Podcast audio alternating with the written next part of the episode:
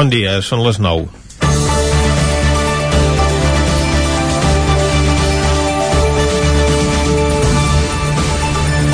S'acosta el pont de la Puríssima, que molts anys servia de tret de sortida de la temporada d'esquí. Aquest any algunes estacions, com passa al Ripollès, estarien en òptimes condicions per omplir-se d'esquiadors després de la llevantada del passat cap de setmana. Però ara mateix el futur del sector no està gens clar, i l'obertura de les estacions d'esquí està derivant en un conflicte a escala europea, perquè no hi ha unanimitat entre els diferents països sobre com actuar en aquest terreny per fer front a l'abans de la pandèmia i evitar que la neu sigui també un caldo de cultiu del virus. El president francès, Emmanuel Macron, demanava aquesta setmana que s'adoptés un acord a nivell europeu en aquest sentit. De fet, França, que després d'un mes de confinament domiciliari acaba d'iniciar un procés de desescalada que acabarà a finals de gener, ja havia trobat aliats amb Itàlia i Alemanya a l'hora de decidir retardar l'obertura de les pistes fins que hagin passat les festes de Nadal però el seu criteri topa amb l'oposició d'Àustria, que té intenció d'obrir-les abans de Nadal, si bé, com que té l'hostaleria i la restauració tancats, fins passat festes serà impossible que pugui acollir turistes.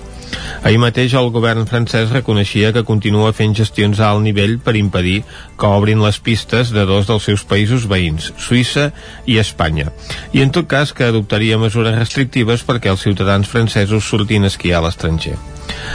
Alienes a aquesta petició, ahir també les estacions d'esquí catalanes anunciaven la seva reobertura.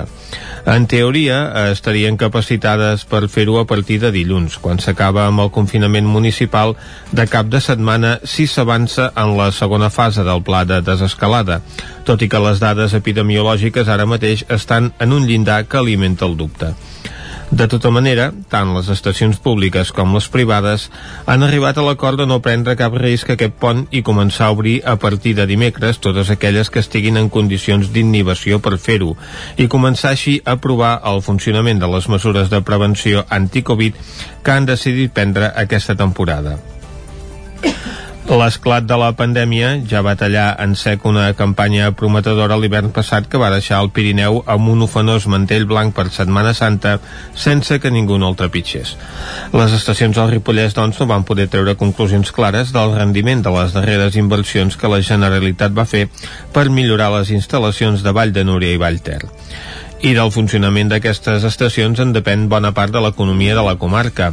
Per aquesta temporada ja s'ha previst un protocol per minimitzar els riscos de contagi.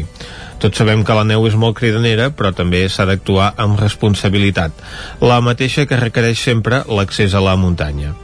No cal fer com aquella família que el passat cap de setmana va voler anar a trepitjar la neu a coll de pal trencant el confinament municipal i va haver d'acabar sent rescatada per Mossos i bombers perquè ni ajudant-los a posar les carenes al cotxe van ser capaços d'agafar el camí de tornada.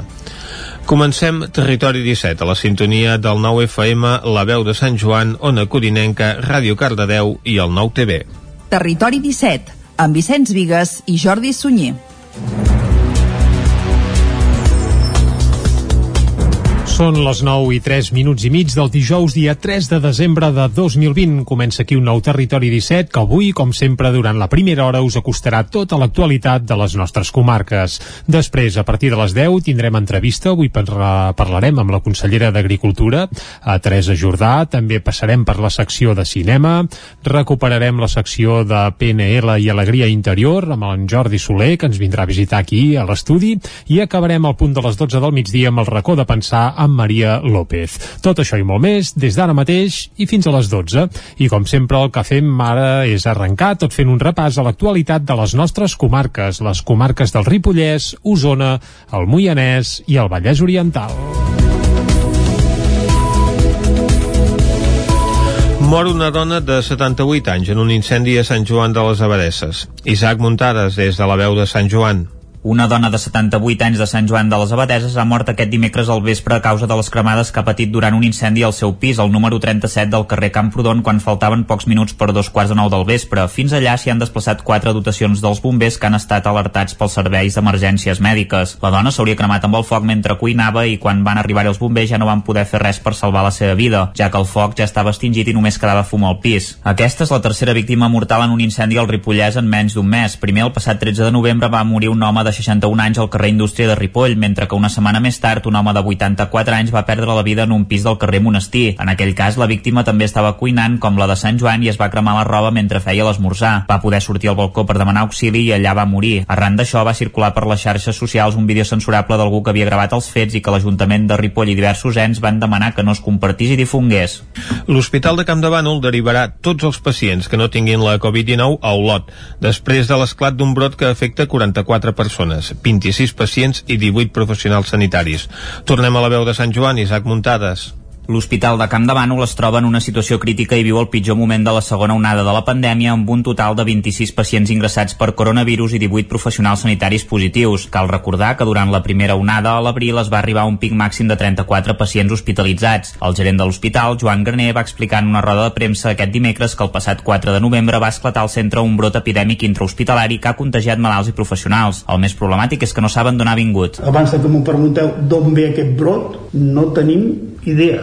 Jo crec que aquest brot ens ha vingut des de fora, però llavors aquí, amb l'activitat que fem del dia a dia, aquest brot s'ha anat incrementant, augmentant, i en aquests moments doncs, tenim 29, aproximadament 29 pacients afectats i 18 professionals afectats, que vol dir que són professionals que estan de baixa. A més, el brot ja ha provocat tres defuncions, tot i que dues persones ja tenien malalties greus. Per tal de tallar de soc arrel la cadena de transmissió i frenar els contagis, el comitè de crisi de l'hospital ha pres una sèrie de mesures dràstiques. En primer lloc, el centre no admetrà ingressos de pacients que no tinguin la Covid-19, per tant, les persones que pateixin una altra malaltia seran derivades a l'Hospital Comarcal de la Garrotxa d'Olot en primera instància, tot i que no es descarta que se'n puguin enviar a l'Hospital Doctor Trueta de Girona o al Consorci Hospitalari de Vic. Aquesta mesura estarà vigent fins dimecres que ve, en què s'haurà de veure si la situació ha millorat o no, i en aquest segon cas caldrà prendre mesures més contundents. Segons els càlculs que s'han fet, es preveu que els malalts traslladats a Olot no superin la vintena, ja que l'hospital té una mitjana d'ingressos diaris que oscil·la entre els 2 i 3. Graner també va explicar que preveuen que els 5 malalts sense Covid-19 de la unitat UA tinguin l'alta abans de dimecres que ve. Gràcies a això podran fer una neteja integral de l'espai perquè la gent que ingressi no s'infecti. Tots els pacients positius s'han ubicat a la unitat 2A amb personal de reforç. Si la situació no millora, el gerent va dir que es plantejaven aplicar més mesures. En aquests moments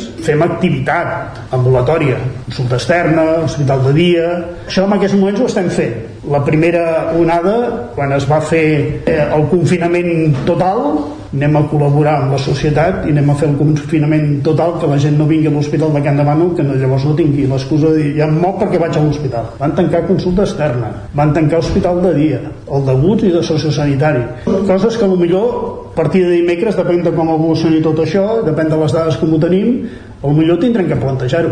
Des de principis de novembre, l'hospital ja va començar a aplicar mesures restrictives com la prohibició de visites a pacients ingressats, excepte en casos molt concrets, i farà unes tres setmanes que s'han suspès totes les intervencions quirúrgiques amb ingrés. L'hospital també ha fet cribatges a tot el personal i pacients i en tornarà a fer la setmana vinent. Per altra banda, aquest dijous ha de venir al centre hospitalari el Servei de Vigilància Epidemiològica del Departament de Salut per veure l'edifici in situ i poder revisar els circuits per tal d'impulsar accions que ajudin a parar el creixement del brot. Graner també va posar èmfasi en la manca de personal, ja que dels 215 treballadors de l'hospital n'hi ha un 8,3% que estan de baixa i s'han de doblar torns i es treuen festes per donar atenció als pacients. El gerent va dir que la situació epidemiològica al Ripollès era bona al maig i juny, però a partir del 15 de setembre va començar a empitjorar amb l'aparició de diversos brots i té por que amb el pont de la Puríssima no es produeixi un altre brot.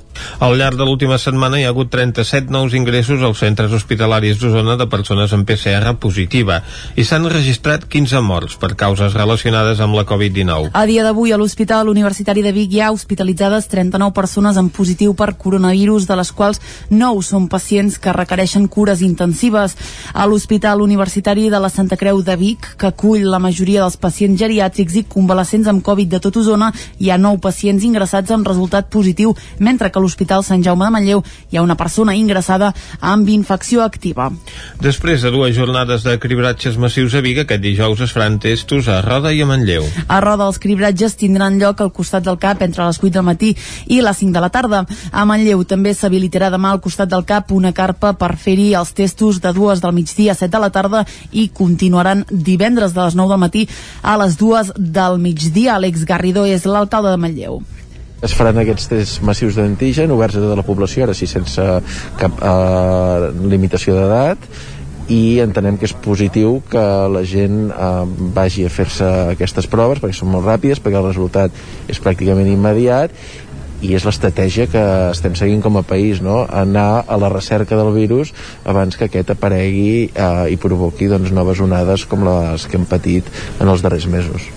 Nosaltres rebem les informacions actualitzades cada dia de la incidència de la Covid a, a la comarca i a la Catalunya central i Manlleu portem dies que eh, som els que més estem decreixent en, en incidència. Per tant és una dada molt positiva insisteixo, eh, hem, ara mateix estem a, aquesta setmana a 40 casos en els darrers 7 dies L'objectiu és detectar el màxim nombre de persones asimptomàtiques per tal de tallar cadenes de transmissió del virus. A Torelló el cribratge es farà el 10 de desembre. I demà divendres es farà un cribratge massiu a Mollà per tal de detectar la contenció de la transmissió comunitària de la Covid i trobar possibles asimptomàtics. Caral Campàs, des d'Ona Codinenca.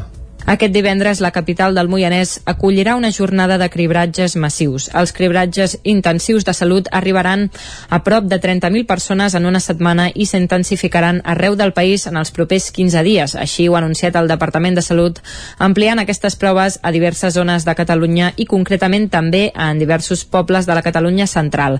De moment, però, la capital del Moianès serà l'única població de la comarca que durà a terme aquestes proves ràpides. En un principi, les autoritats autoritats van anunciar que el cribratge es faria a tots els integrants de l'àrea bàsica de salut de Mollà Castellterçol. Aquesta unitat comprèn els municipis de Mollà, l'Estany, Castellterçol, Sant Quirze de Safaja, Castellcí i Granera. Tot i això, l'Ajuntament de Mollà ha actualitzat la informació afirmant que únicament els veïns de la capital podran participar-hi. Els tests ràpids es faran al pavelló municipal de Mollà de dos quarts de nou del matí a dos quarts de dues del migdia i de 3 de la tarda a les 8 del vespre. L'edat mínima per rebre la prova és de 16 anys, però no cal inscriure's prèviament. A més, la prova és gratuïta i els resultats es podran saber allà mateix en 15 minuts. En cas de necessitar un imprès de resultats, en 24 hores es podran imprimir des de casa amb l'aplicació La meva salut. Per realitzar la prova cal facilitar noms i cognoms, adreça, telèfon de contacte i, si se'n disposa, presentar la targeta sanitària individual. Per tercer any consecutiu, tant Àgora Serveis Culturals i el Casino de Vic han organitzat el Flick Festival, una proposta basada en la creació literària que aquest any s'adapta a la situació de pandèmia i per primera vegada es desplegarà als centres educatius. El programa va arrencar aquest dimarts i s'allargarà fins demà. Representants de Tantàgora del Casino, de l'Ajuntament de Vic i de la Biblioteca Joan Triadú es reunien aquest dimarts amb la Mar Pérez, responsable de la biblioteca de l'Escola Vic Centre. Una trobada que servia per donar el tret de sortida al Flick, el Festival de Literatura i Arts per Infants i Joves que per tercer any consecutiu se celebra a Vic. Per primera vegada i per causes derivades de la pandèmia, el FLIC es desplegarà als centres educatius. En aquest sentit, dimarts es va escenificar l'arribada de la Micra, una capsa de cartró que condensa el programa del festival i que Pérez recollia per fer-la arribar a l'escola Vic Centre. Magalí Oms és la directora del Festival FLIC. Sí, a dins de la Micra, què, què hi trobarem? Hi trobarem instruccions de joc, hi trobarem diferents llibrets on hi ha les diferents propostes eh, que, que proposem des del FLIC i amb aquests autors. Evidentment, també hi han d'haver-hi llibres, perquè sense llibres no, no, tenim, no tenim joc, però això que sembla res són 13 propostes escrites en uns llibres. La directora del festival va acompanyar Pere de l'Escola Centre on impacients els alumnes de primer de primària van rebre la Micra. Són una representació del miler d'alumnes de primer i segon de primària que participaran al projecte que enguany es desenvoluparà a 11 centres educatius de Vic. Un any més al festival l'ha coorganitzat el Casino de Vic amb el suport de l'Ajuntament. Sentim per aquest ordre a Jordi Comas del Casino i a Susana Roura, regidora de Cultura de l'Ajuntament de Vic.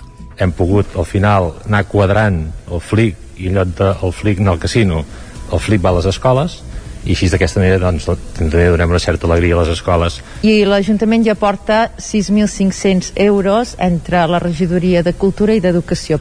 El programa del Flix s'allargarà fins demà divendres i combinarà activitats en línia amb d'altres de presencials. Amb la desescalada, els vermuts literaris a Cardedeu tornen al Trambana. Aquest cap de setmana van parlar amb Alba Dalmau i Cinta Vidal del llibre Capgirat. David Auladell, de Ràdio Televisió Cardedeu.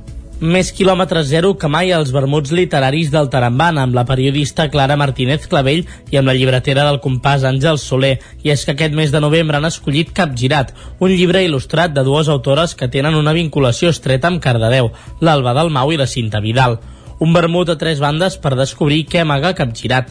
Alba Dalmau, escriptora de Capgirat i Cinta Vidal, il·lustradora. Primer de tot trobarà les imatges estupendes i fantàstiques de, de la Cinta Vidal i eh, trobarà una història que esperem que els faci veure doncs, la vida des de no només un únic punt de vista, el nostre, sinó doncs, posar-te en la pell d'altra gent per veure que tot tot és relatiu. I bueno, també molta gent ens està dient que sembla una mica les imatges del confinament perquè és, és tothom molt tancat en els seus mons eh, i, bueno, i potser hi veuran reflectida una mica la seva experiència d'aquests últims mesos que hem viscut. El lector trobarà molts punts de vista, moltes perspectives i, i una búsqueda uh, s'ha de trobar una gata i, i a vegades apareix, a vegades no trobarà aquesta aventura i a veure si troba al final si troben la, gata o no. Una sala gran del Tarambana plena amb restriccions i mesures, però amb un públic que no es va voler perdre l'ocasió de conèixer més a fons la història que hi ha al darrere de les pàgines de Capgirat. El cicle de vermuts tanca aquest primer trimestre el proper 19 de desembre amb la Marta Carnicero i Coníferes. Ara falta conèixer la programació que ens espera dels vermuts literaris de cara al gener de 2021. I fins aquí el butlletí informatiu que us hem ofert amb les veus de Vicenç Vigues, Clàudia Dinarès, David Auladell, Caral Campàs i Isaac Muntades. El que toca ara mateix és anar cap al temps.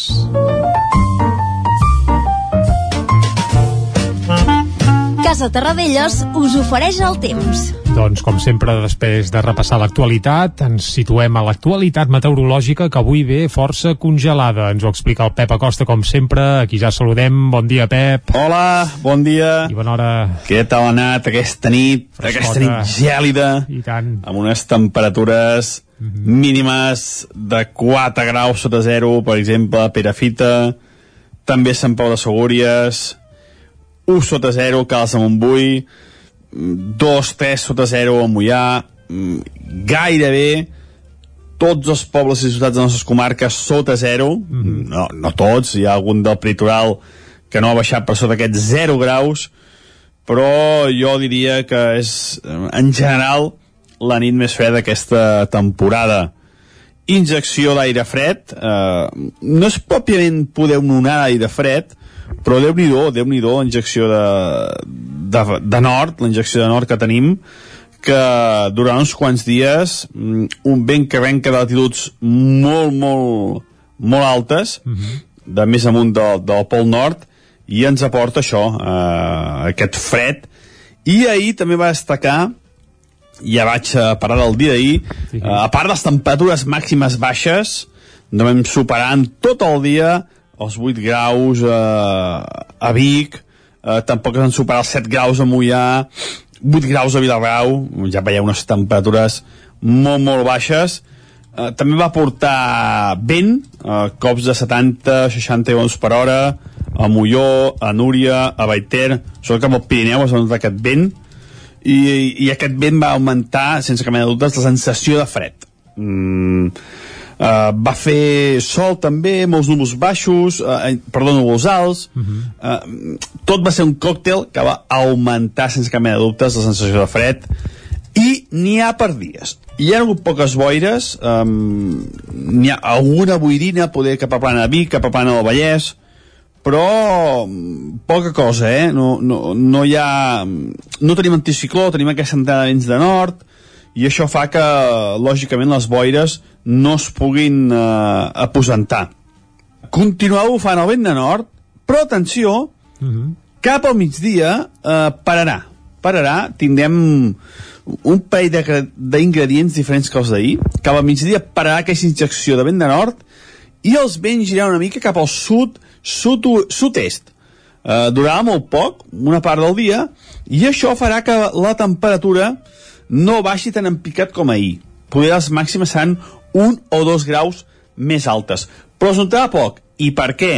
Es notarà poc perquè cada vegada hi haurà més núvols, hi ha molts núvols prims, mm, passaran a ser mitjans cap a la tarda, i també durarà poc perquè de cara a la tarda vespre uh -huh. hi tornarà a haver un, una injecció d'aire fred d'un front, d'una perturbació que se'ns acosta.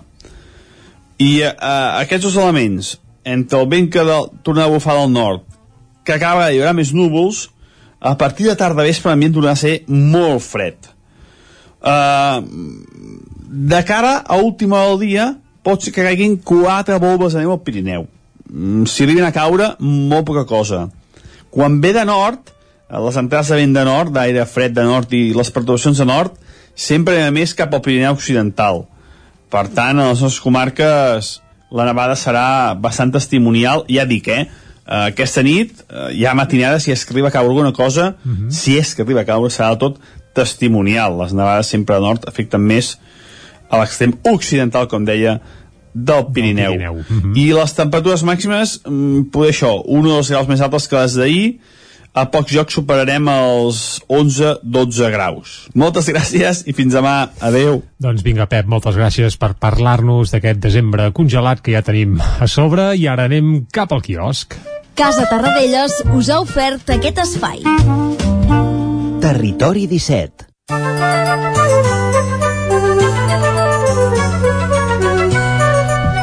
No sé si avui anant al quiosc a comprar el diari et regalen una bufanda, però convindria, Clàudia. Convindria una mica. Bon dia de nou. Comencem amb el repàs de portades i ho fem, com sempre, amb el punt avui que diu 10 a taula per Nadal. Només seran permesos grups de 10 persones, inclosos els nens. El toc de queda s'allarga fins a la 1.30 les nits de Nadal i de Cap d'Any.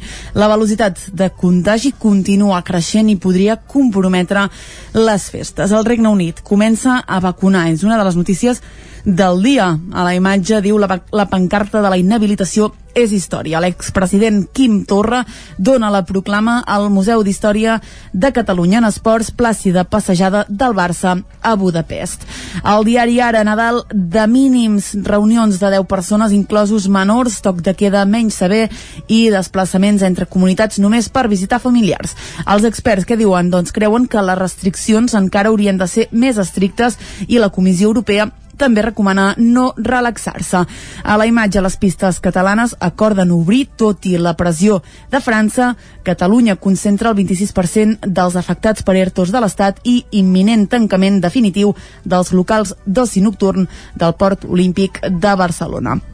Anem amb el periòdico que avui obre amb un nou disseny ja molt visible a la portada. Diu Nadal restringit, prohibits els viatges entre autonomies excepte per reunir-se amb familiars i pròxims, reunions de 10 com a màxim, nens inclosos i toc de queda a la 1.30 la nit de Nadal i també la de Cap d'Any. Els avis ingressats podran anar amb la seva família el 24, 25, 26 i 31 de desembre i l'1, 5 i 6 de gener. A la imatge hi veiem una terrassa, diu el cost del virus en detall. La Generalitat ha gastat 1.906,7 milions en 8 mesos per pal·liar l'impacte de la pandèmia. El periòdico desentranya els preus dels contractes públics i intervinguts 13 geriàtrics catalans en el pic de la segona onada. Anem a l'avantguàrdia que diu l'economia crea ocupació al novembre malgrat les restriccions. La Seguretat Social guanya gairebé 32.000 cotitzadors i torna a assolir els 19 milions, però també pugen els afectats per ERTO. A la imatge, Sanitat permetrà visitar familiars d'altres comunitats per Nadal. Catalunya es reserva aplicar aquesta mesura i, i allargarà el toc de queda a la 1.30 de la matinada les nits de Nadal i de Cap d'Any. En política, l'executiu pressiona el Partit Popular amb una reforma express del poder judicial.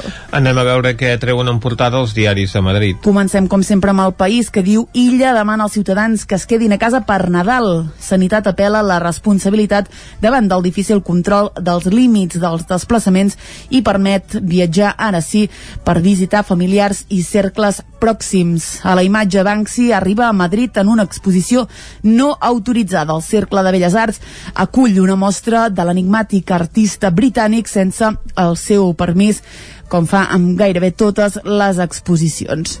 Avui entrevisten Antonio Guterres, és el secretari general de la ONU, que diu estem en guerra amb la naturalesa i hem de fer les paus. En política, Sánchez aparca la seva reforma dura del poder judicial, tot i el bloqueig del Partit Popular. El Mundo Sánchez intenta desactivar el Consell General del Poder Judicial al no aconseguir assaltar-lo. El president renuncia a renovar el Poder Judicial a la polaca davant la pressió de Brussel·les. A la imatge, la el finançament de l'Estat a Catalunya des de l'any 2012 supera els 100.000 milions. Diu, així seran a les festes de Nadal del coronavirus. Es podrà viatjar entre comunitats per veure a familiars i a cercles pròxims. Un últim titular, Amnistia Internacional denuncia la violació de drets a les residències. Anem acabant, anem a la Razón, que diu campanya contra el rei. Diu, ha de rectificar el discurs del 3 d'octubre. Podemos pressiona perquè el rei Felip VI faci un gest de complicitat a l'esperat missatge de Nadal.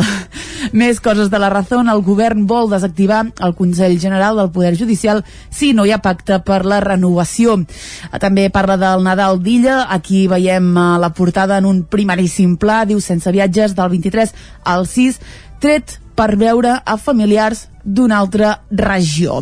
I acabem, com sempre, amb l'ABC, amb un amb doble titular, el principal, diu el govern, compra pau social amb més subvencions als sindicats. Veiem a Sánchez doncs, reunit amb els líders sindicals d'UGT i de comissions obreres, hem de dir que és una imatge d'arxiu, diu en plena pandèmia puja 5 milions més del 50% les ajudes previstes als pressupostos davant del temor a les mobilitzacions al carrer. A la part inferior de la portada d'avui, l'ABC diu Iglesias exigeix a Pedro Sánchez saltar-se passos legals per excarcerar a Oriol Junqueras. El líder de Podemos eh, vol al·ludir als informes preceptius per als indults i que s'agilitzi la reforma del delicte de sedició. En quines condicions viurem les festes de Nadal si la situació epidemiològica no empitjora? És el tema que centra les portades a la premsa d'avui, un dia en el que, com ja us hem comentat, doncs, el periòdico apareix amb un nou disseny, tant en la seva edició en paper com en la web. Amb aquesta visita al quiosc tanquem ara aquest bloc informatiu. Tanquem bloc informatiu i el que fem ara és una pausa. Tornarem a dos quarts en punt a acostar-vos de nou tota l'actualitat. Fins ara. El nou FM. Les bones decisions tenen premi. I és que si té una caldera Vaillant, està d'enhorabona. Vaillant li ofereix fins a 15 anys de cobertura total, amb la revisió obligatòria inclosa. Informis a Oficiat Nord trucant al 93 886 0040. Amb el servei tècnic oficial de Vaillant, la seva caldera estarà en les millors mans. Hi ha una màgia que no té truc. És la màgia de compartir una estona amb algú i parlar-hi. Vols practicar català? Vols ajudar algú a parlar-lo? Apunta't al voluntariat per la llengua el programa de les parelles lingüístiques a vxl.cat. Perquè quan parles, fas màgia. Generalitat de Catalunya. 100 milions i mig de futurs. Cocodril Club. Si t'agrada la bona música dels anys 60, 70 i 80, escolta el 9 FM als matins de dissabtes i diumenges d'11 a 1.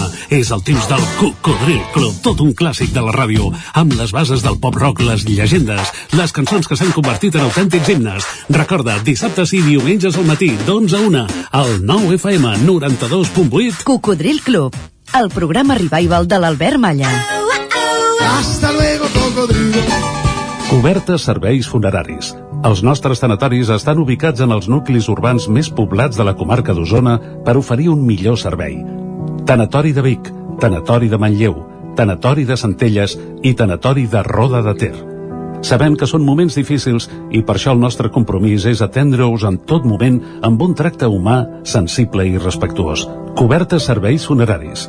Telèfon 24 hores 93 883 23 46. A Calefaccions Pradell som experts en osmosi inversa, substitució de calderes de gas, estufes de pèl·lets, calderes de condensació, energia solar, calefacció, terres radiants, calderes de gas, geotèrmia... Si busques experiència, qualitat i professionalitat, no dubtis en confiar en nosaltres. Calefaccions Pradell, telèfon 93 885 11 97. Ah, i ara informa't del Pla Renova't. Calefaccions Pradell us desitja bon Nadal i feliç 2012. Tens joies o rellotges que vols rendibilitzar? Demana una valoració gratuïta a Comprem Or, especialistes en la compra de joies, diamants i rellotges. T'ofereixen transparència, discreció i la màxima taxació. Troba la teva botiga a compremor.com o truca al 938 101 342. Recorda, són els originals, els de la moneda. Comprem Or, Rambla de Vallada 7, Vic. A Catalunya el 30% de les famílies no tindrà una llar digna on celebrar aquestes festes i més de 280.000 persones ni tan sols podran menjar el dia de Nadal. Cada gest compta. Fes un donatiu a caritascatalunya.cat i fes que Nadal arribi a totes les llars. Bon Nadal. Però per El nou FM, el nou FM, el nou FM, el nou FM, el nou FM. Territori 17, amb Vicenç Vigues i Jordi Sunyer. Dos quarts de deu en punt d'avui dijous, dia 3 de desembre de 2020. Seguim en directe aquí a Territori 17 i el que toca ara mateix és acostar-vos de nou tota l'actualitat de les nostres comarques. Ja ho sabeu, les comarques del Ripollès, Osona, el Moianès i el Vallès Oriental. Mor una dona de 78 anys en un incendi a Sant Joan de les Abadesses. Isaac Muntades, des de la veu de Sant Joan. Una dona de 78 anys de Sant Joan de les Abadeses ha mort aquest dimecres al vespre a causa de les cremades que ha patit durant un incendi al seu pis, al número 37 del carrer Camprodon, quan faltaven pocs minuts per dos quarts de nou del vespre. Fins allà s'hi han desplaçat quatre dotacions dels bombers que han estat alertats pels serveis d'emergències mèdiques. La dona s'hauria cremat amb el foc mentre cuinava i quan van arribar els bombers ja no van poder fer res per salvar la seva vida, ja que el foc ja estava extingit i només quedava fum al pis. Aquesta és la tercera víctima mortal en un incendi al Ripollès en menys d'un mes. Primer, el passat 13 de novembre, va morir un home de 61 anys al carrer Indústria de Ripoll, mentre que una setmana més tard un home de 84 anys va perdre la vida en un pis del carrer Monestir. En aquell cas, la víctima també estava cuinant, com la de Sant Joan, i es va cremar la roba mentre feia l'esmorzar. Va poder sortir al balcó per demanar auxili i allà va morir. Arran d'això va circular per les xarxes socials un vídeo censurable d'algú que havia gravat els fets i que l'Ajuntament de Ripoll i diversos ens van demanar que no es compartís i difongués. L'Hospital de Camp de Bànol derivarà tots els pacients que no tinguin la Covid-19 a Olot, després de l'esclat d'un brot que afecta 44 persones. 26 pacients i 18 professionals sanitaris. Tornem a la veu de Sant Joan, Isaac Muntades.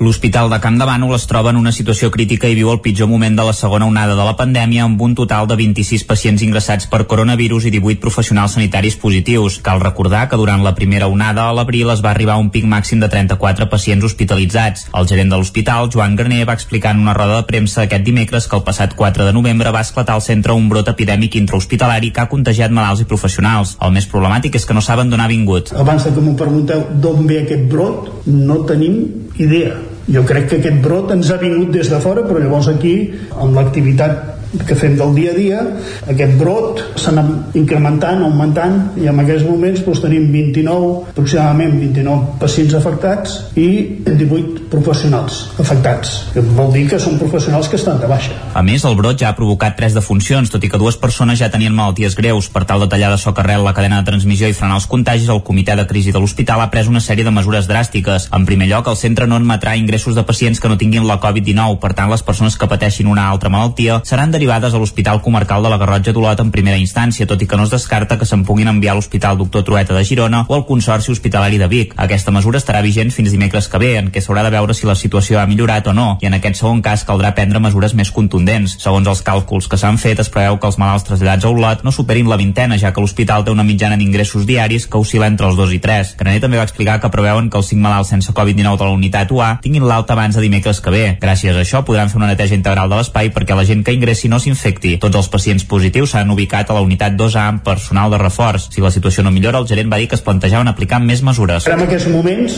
fem activitat ambulatòria, consulta externa, hospital de dia... Això en aquests moments ho estem fent. La primera onada, quan es va fer eh, el confinament total, anem a col·laborar amb la societat i anem a fer un confinament total que la gent no vingui a l'hospital de Can Bànol que no, llavors no tingui l'excusa de dir ja em moc perquè vaig a l'hospital van tancar consulta externa van tancar hospital de dia el degut i de sociosanitari coses que millor a partir de dimecres depèn de com evolucioni tot això depèn de les dades com ho tenim millor tindrem que plantejar-ho. Des de principis de novembre, l'hospital ja va començar a aplicar mesures restrictives com la prohibició de visites a pacients ingressats, excepte en casos molt concrets, i farà unes tres setmanes que s'han suspès totes les intervencions quirúrgiques amb ingrés. L'hospital també ha fet cribatges a tot el personal i pacients i en tornarà a fer la setmana vinent. Per altra banda, aquest dijous ha de venir al centre hospitalari el Servei de Vigilància Epidemiològica del Departament de Salut per veure l'edifici in situ i poder revisar els circuits per tal d'impulsar accions que ajudin a parar el creixement del brot. Graner també va posar èmfasi en la manca de personal, ja que dels 215 treballadors de l'hospital n'hi ha un 8,3% que estan de baixa i s'han de doblar torns i es treuen festes per donar atenció als pacients. El gerent va dir que la situació epidemiològica al Ripollès era bona al maig i juny, però a partir del 15 de setembre va començar a empitjorar amb l'aparició de diversos brots i té por que amb el pont de la Puríssima no es produeixi un altre brot. Al llarg de l'última setmana hi ha hagut 37 nous ingressos als centres hospitalaris d'Osona de persones amb PCR positiva i s'han registrat 15 morts per causes relacionades amb la Covid-19. A dia d'avui a l'Hospital Universitari de Vic hi ha hospitalitzades 39 persones amb positiu per coronavirus, de les quals 9 són pacients que requereixen cures intensives. A l'Hospital Universitari de la Santa Creu de Vic, que acull la majoria dels pacients geriàtrics i convalescents amb Covid de tot Osona, hi ha 9 pacients ingressats amb resultat positiu, mentre que a l'Hospital Sant Jaume de Manlleu hi ha una persona ingressada amb infecció activa. Després de dues jornades de cribratges massius a Vic, aquest dijous es faran testos a Roda i a Manlleu. A Roda els cribratges tindran lloc al costat del CAP entre les 8 del matí i les 5 de la tarda. A Manlleu també s'habilitarà demà al costat del CAP una carpa per fer-hi els testos de dues del migdia a 7 de la tarda i continuaran divendres de les 9 del matí a les 2 del migdia. Àlex Garrido és l'alcalde de Manlleu es faran aquests tests massius d'antigen oberts a tota la població, ara sí sense cap eh, limitació d'edat i entenem que és positiu que la gent eh, vagi a fer-se aquestes proves perquè són molt ràpides, perquè el resultat és pràcticament immediat i és l'estratègia que estem seguint com a país, no? anar a la recerca del virus abans que aquest aparegui eh, i provoqui doncs, noves onades com les que hem patit en els darrers mesos. Nosaltres rebem les informacions actualitzades cada dia de la incidència de la Covid a, a la comarca i a la Catalunya central i Manlleu portem dies que eh, som els que més estem decreixent en, en incidència. Per tant, és una dada molt positiva, insisteixo, eh, hem, ara mateix estem a, aquesta setmana a 40 casos en els darrers 7 dies. L'objectiu és detectar el màxim nombre de persones asimptomàtiques per tal de tallar cadenes de transmissió del virus. A Torelló el cribratge es farà el 10 de desembre. I demà divendres es farà un cribratge massiu a Mollà per tal de detectar la contenció de la transmissió comunitària de la Covid i trobar possibles asimptomàtics. Caral Campàs, des d'Ona Codinenca. Aquest divendres la capital del Moianès acollirà una jornada de cribratges massius. Els cribratges intensius de salut arribaran a prop de 30.000 persones en una setmana i s'intensificaran arreu del país en els propers 15 dies. Així ho ha anunciat el Departament de Salut, ampliant aquestes proves a diverses zones de Catalunya i concretament també en diversos pobles de la Catalunya central. De moment, però, la capital del Moianès serà l'única població de la comarca que durà a terme aquestes proves ràpides.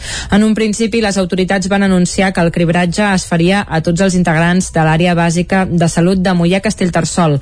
Aquesta unitat comprèn els municipis de Mollà, l'Estany, Castellterçol, Sant Quirze de Safaja, Castellcí i Granera. Tot i això, l'Ajuntament de Mollà ha actualitzat la informació afirmant que únicament els veïns de la capital podran participar-hi. Els tests ràpids es faran al pavelló municipal de Mollà de dos quarts de nou del matí a dos quarts de dues del migdia i de 3 de la tarda a les 8 del vespre. L'edat mínima per rebre la prova és de 16 anys, però no cal inscriure's prèviament. A més, la prova és gratuïta i els resultats es podran saber allà mateix en 15 minuts. En cas de necessitar un imprès de resultats, en 24 hores es podran imprimir des de casa amb l'aplicació La meva salut. Per realitzar la prova cal facilitar noms i cognoms, adreça, telèfon de contacte i, si se'n disposa, presentar la targeta sanitària individual. Per tercer any consecutiu, tant Àgora Serveis Culturals i el Casino de Vic han organitzat el Flick Festival, una proposta basada en la creació literària que aquest any s'adapta a la situació de pandèmia i per primera vegada es desplegarà als centres educatius. El programa va arrencar aquest dimarts i s'allargarà fins demà. Representants de Tantàgora del Casino, de l'Ajuntament de Vic i de la Biblioteca Joan Triadú es reunien aquest dimarts amb la Mar Pérez, responsable de la biblioteca de l'escola Vic Centre. Una trobada que servia per donar el tret de sortida al Flick, el Festival de Literatura i Arts per Infants i Joves que per tercer any consecutiu se celebra a Vic per primera vegada i per causes derivades de la pandèmia. El FLIC es desplegarà als centres educatius. En aquest sentit, dimarts es va escenificar l'arribada de la Micra, una capsa de cartró que condensa el programa del festival i que Pérez recollia per fer-la arribar a l'escola Vic Centre. Magalí Oms és la directora del Festival FLIC. Sí, a dins de la micra, què, què hi trobarem? Hi trobarem instruccions de joc. Hi trobarem diferents llibrets on hi ha les diferents propostes eh, que, que proposem des del FLIC i amb aquests autors. Evidentment, també hi han d'haver-hi llibres, perquè sense llibres no, no, tenim, no tenim joc, però això que sembla res són 13 propostes escrites en uns llibres. La directora del festival va acompanyar Pere de l'Escola Centre on impacients els alumnes de primer de primària van rebre la micra. Són una representació del miler d'alumnes de primer i segon de primària que participaran al projecte que enguany es desenvoluparà a 11 centres educatius de Vic. Un any més al festival l'ha coorganitzat el Casino de Vic amb el suport de l'Ajuntament. Sentim per aquest ordre a Jordi Comas del Casino i a Susana Roura, regidora de Cultura de l'Ajuntament de Vic. Hem pogut al final anar quadrant el flic i en lloc del flic anar al casino el flic va a les escoles i així d'aquesta manera doncs, també donem una certa alegria a les escoles. I l'Ajuntament ja porta 6.500 euros entre la regidoria de Cultura i d'Educació. El programa del Flix s'allargarà fins demà divendres i combinarà activitats en línia amb d'altres de presencials. Amb la desescalada, els vermuts literaris a Cardedeu tornen al Tarambana. Aquest cap de setmana van parlar amb Alba Dalmau i Cinta Vidal del llibre Capgirat. David Auladell, de Ràdio Televisió Cardedeu. Més quilòmetre zero que mai als vermuts literaris del Tarambana amb la periodista Clara Martínez Clavell i amb la llibretera del compàs Àngel Soler. I és que aquest mes de novembre han escollit Capgirat, un llibre il·lustrat de dues autores que tenen una vinculació estreta amb Cardedeu, l'Alba Dalmau i la Cinta Vidal un vermut a tres bandes per descobrir què amaga Capgirat. Alba Dalmau, escriptora de Capgirat i Cinta Vidal, il·lustradora. Primer de tot trobarà les imatges estupendes i fantàstiques de, de la Cinta Vidal i eh, trobarà una història que esperem que els faci veure doncs, la vida des de no només un únic punt de vista, el nostre, sinó doncs, posar-te en la pell d'altra gent per veure que tot tot és relatiu. I bueno, també molta gent ens està dient que sembla una mica les imatges del confinament perquè és, és tothom molt tancat en els seus mons eh, i bueno, i potser hi veuran reflectida una mica la seva experiència d'aquests últims mesos que hem viscut. El lector trobarà molts punts de vista, moltes perspectives i, i una búsqueda uh, s'ha de trobar una gata i, i a vegades apareix, a vegades no.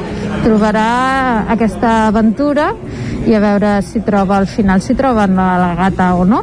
Una sala gran del Tarambana plena amb restriccions i mesures, però amb un públic que no es va voler perdre l'ocasió de conèixer més a fons la història que hi ha al darrere de les pàgines de Capgirat. El cicle de vermuts tanca aquest primer trimestre el proper 19 de desembre amb la Marta Carnicero i Coníferes. Ara falta conèixer la programació que ens espera dels vermuts literaris de cara al gener de 2021.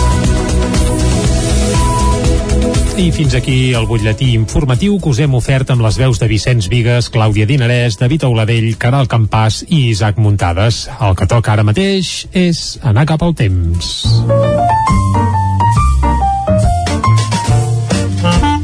Casa Terradellos us ofereix el temps. Doncs, com sempre, després de repassar l'actualitat, ens situem a l'actualitat meteorològica que avui ve força congelada. Ens ho explica el Pep Acosta, com sempre. Aquí ja saludem. Bon dia, Pep. Hola, bon dia. I bona hora. Què tal ha anat aquesta nit? Frescota. Aquesta nit gèlida. I tant. Amb unes temperatures mm -hmm. mínimes de 4 graus sota zero, per exemple, a Perafita, també a Sant Pau de Segúries, 1 sota 0 Cals de Montbui 2, 3 sota 0 a Mollà gairebé tots els pobles i ciutats de les nostres comarques sota 0 mm -hmm. no, no tots, hi ha algun del pritoral que no ha baixat per sota aquests 0 graus però jo diria que és en general la nit més freda d'aquesta temporada injecció d'aire fred eh, no és pròpiament poder nonar aire fred però déu nhi déu nhi injecció de, de nord, la injecció de nord que tenim, que durant uns quants dies mm, un vent que venca de latituds molt, molt, molt altes, uh -huh. de més amunt del, del Pol Nord, i ens aporta això, eh, aquest fred. I ahir també va destacar ja vaig a parar del dia d'ahir, sí. uh, a part de les temperatures màximes baixes, no vam superant tot el dia els 8 graus uh, a Vic, uh, tampoc es van superar els 7 graus a Mollà, 8 graus a Vilagrau, ja veieu unes temperatures molt, molt baixes, Uh, també va portar vent, uh, cops de 70-60 km per hora, a Molló, a Núria, a Baiter, sobretot cap al Pirineu es va notar aquest vent, i, i aquest vent va augmentar, sense cap mena de dubtes, la sensació de fred. Mm, uh, va fer sol també, molts núvols baixos, uh, perdó, núvols alts, uh -huh. uh, tot va ser un còctel que va augmentar sense cap mena de dubtes la sensació de fred i n'hi ha per dies. Hi ha hagut poques boires, um, n'hi ha alguna boirina, poder cap a plana de Vic, cap a plana del Vallès, però mm, poca cosa, eh? No, no, no hi ha... No tenim anticicló, tenim aquesta entrada vents de nord, i això fa que, lògicament, les boires no es puguin eh, aposentar. Continuar bufant el vent de nord, però atenció, uh -huh. cap al migdia eh, pararà.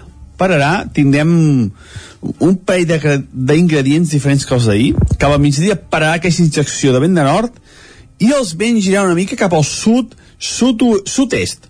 Eh, durarà molt poc, una part del dia, i això farà que la temperatura no baixi tan empicat com ahir.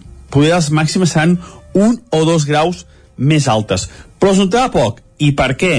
Es notarà poc perquè cada vegada hi haurà més núvols, hi ha molts núvols prims, mm, passaran a ser mitjans cap a la tarda, i també durarà poc perquè de cara a la tarda vespre uh -huh. hi tornarà a haver un, una injecció d'aire fred d'un front, d'una perturbació que se'ns acosta.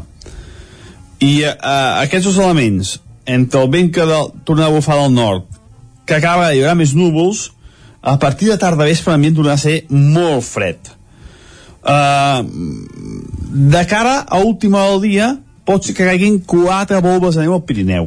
Mm, si arriben a caure, molt poca cosa quan ve de nord, les entrades de vent de nord, d'aire fred de nord i les perturbacions de nord, sempre a més cap al Pirineu Occidental. Per tant, a les nostres comarques la nevada serà bastant testimonial, ja dic, eh? Uh, aquesta nit, uh, ja matinada, si és que arriba a caure alguna cosa, uh -huh. si és que arriba a caure, serà tot testimonial. Les nevades sempre al nord afecten més a l'extrem occidental, com deia, del Pirineu. Del Pirineu. Mm -hmm. I les temperatures màximes, mm, poder això, un o dos graus més altes que les d'ahir, a pocs jocs superarem els 11-12 graus. Moltes gràcies i fins demà. Adeu. Doncs vinga, Pep, moltes gràcies per parlar-nos d'aquest desembre congelat que ja tenim a sobre i ara anem cap al quiosc. Casa Tarradellas us ha ofert aquest espai. Territori 17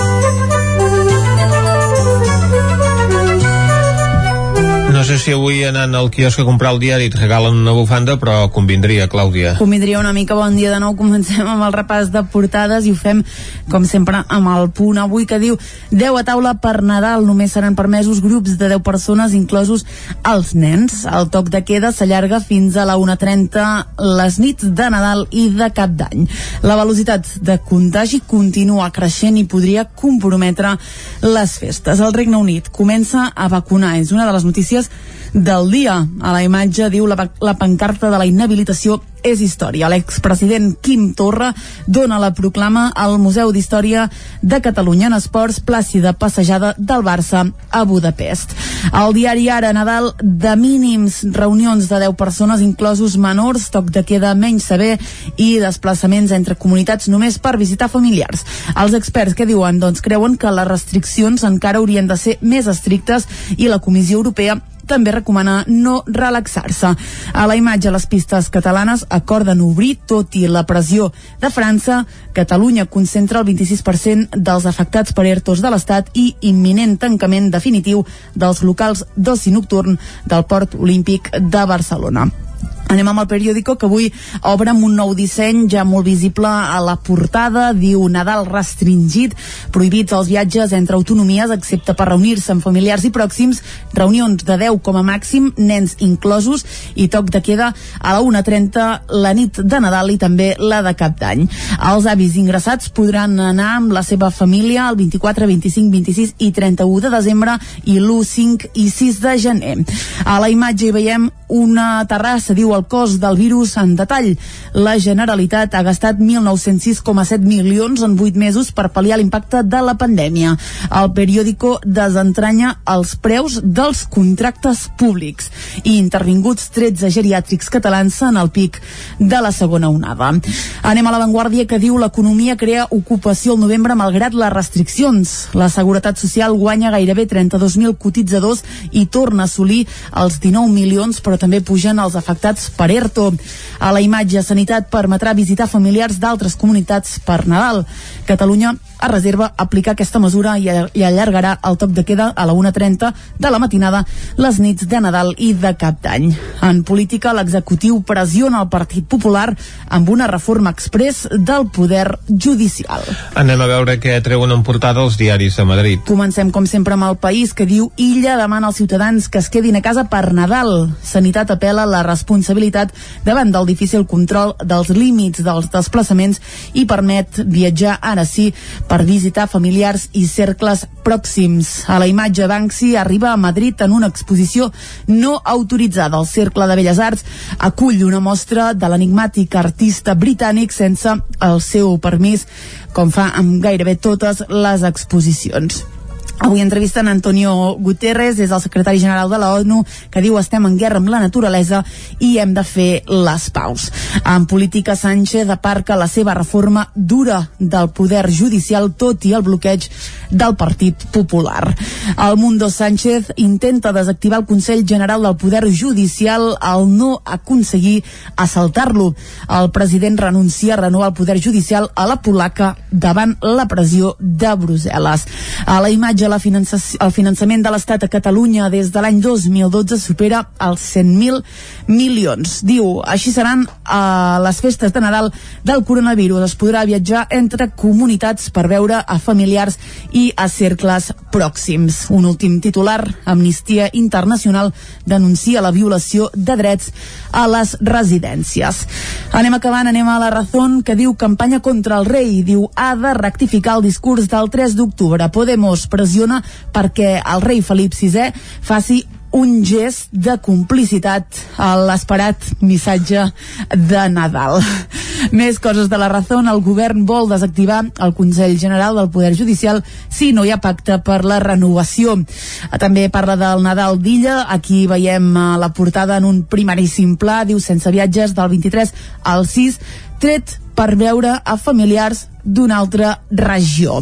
I acabem, com sempre, amb l'ABC, amb un amb doble titular, el principal, diu el govern, compra pau social amb més subvencions als sindicats. Veiem a Sánchez doncs, reunit amb els líders sindicals d'UGT i de comissions obreres. Hem de dir que és una imatge d'arxiu.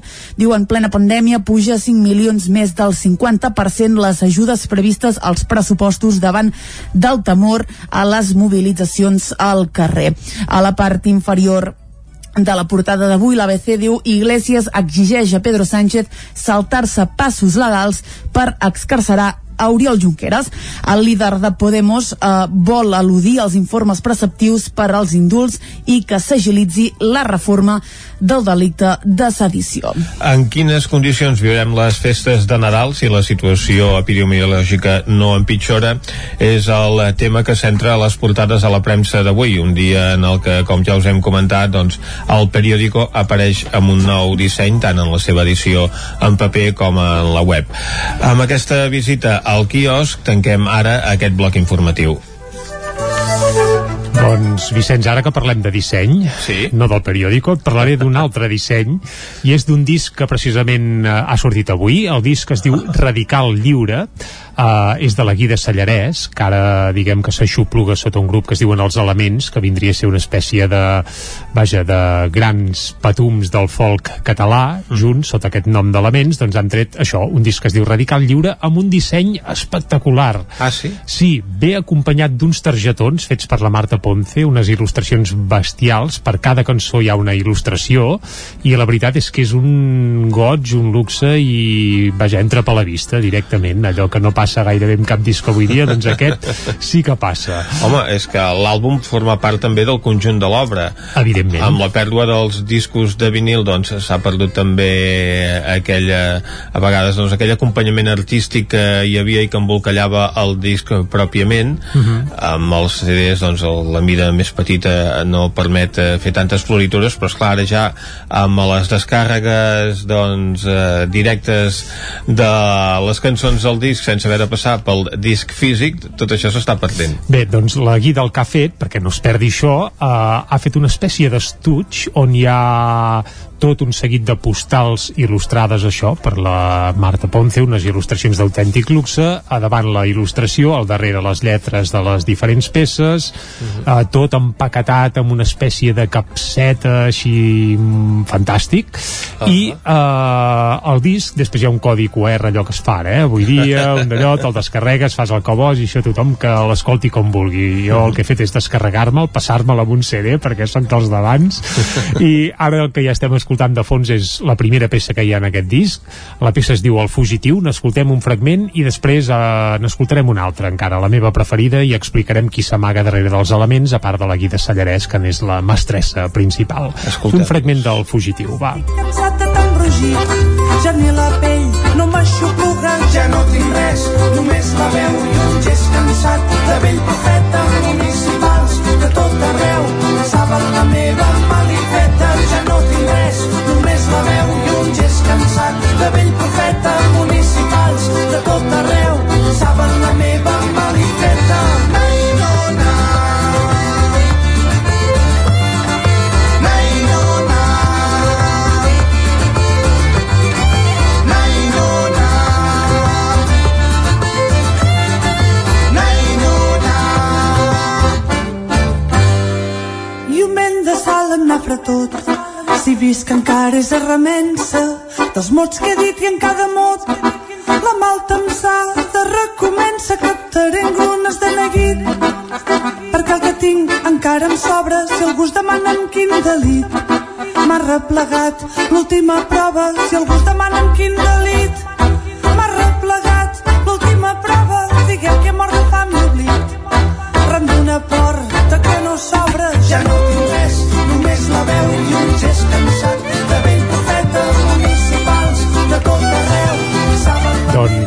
aquesta és la veu i l'acordió diatònic de la guida, acompanyat, en aquest cas, de la Coloma Bertran al violí. N'hem parlat de la Coloma Bertran últimament, a part de tenir el seu projecte en Se sent, solitari, se també participen els elements, i han dit que era això, uns patums del folk eh, català, eh? El Pep Coca és el contrabaixista, un altre clàssic de la moguda folk i catalana, i l'Adrià Bonjoc és el guitarrista, eh, també corista, eh? I tots plegats són els elements que han fet un fantàstic disc on hi ha peces com El Fugitiu, aquesta que escoltàvem ara, una peça pròpia, però també hi ha adaptacions de tonades, melodies i cançons populars, com per exemple eh, La Dama d'Aragó, un clàssic entre clàssics que, si et sembla, escoltarem en la versió dels elements fins a arribar al punt de les 10. Oh, sí?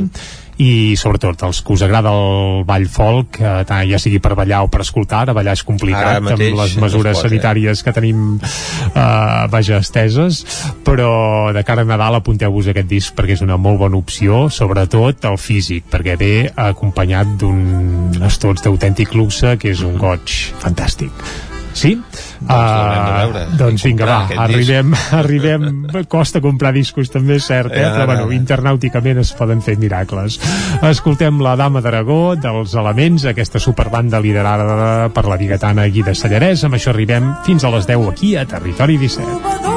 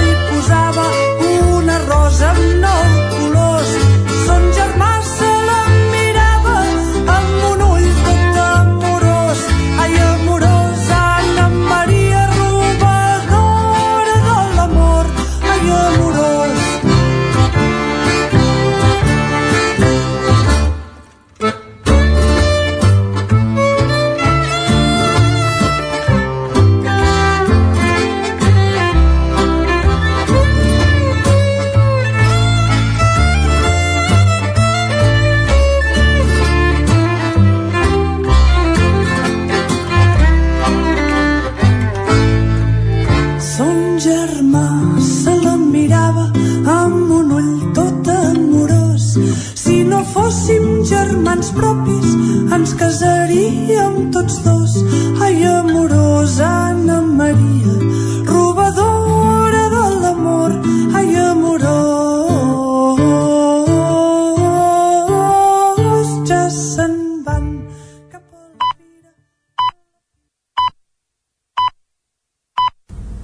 Un torn a la informació de les nostres comarques, les comarques del Ripollès, Osona, el Moianès i el Vallès Oriental.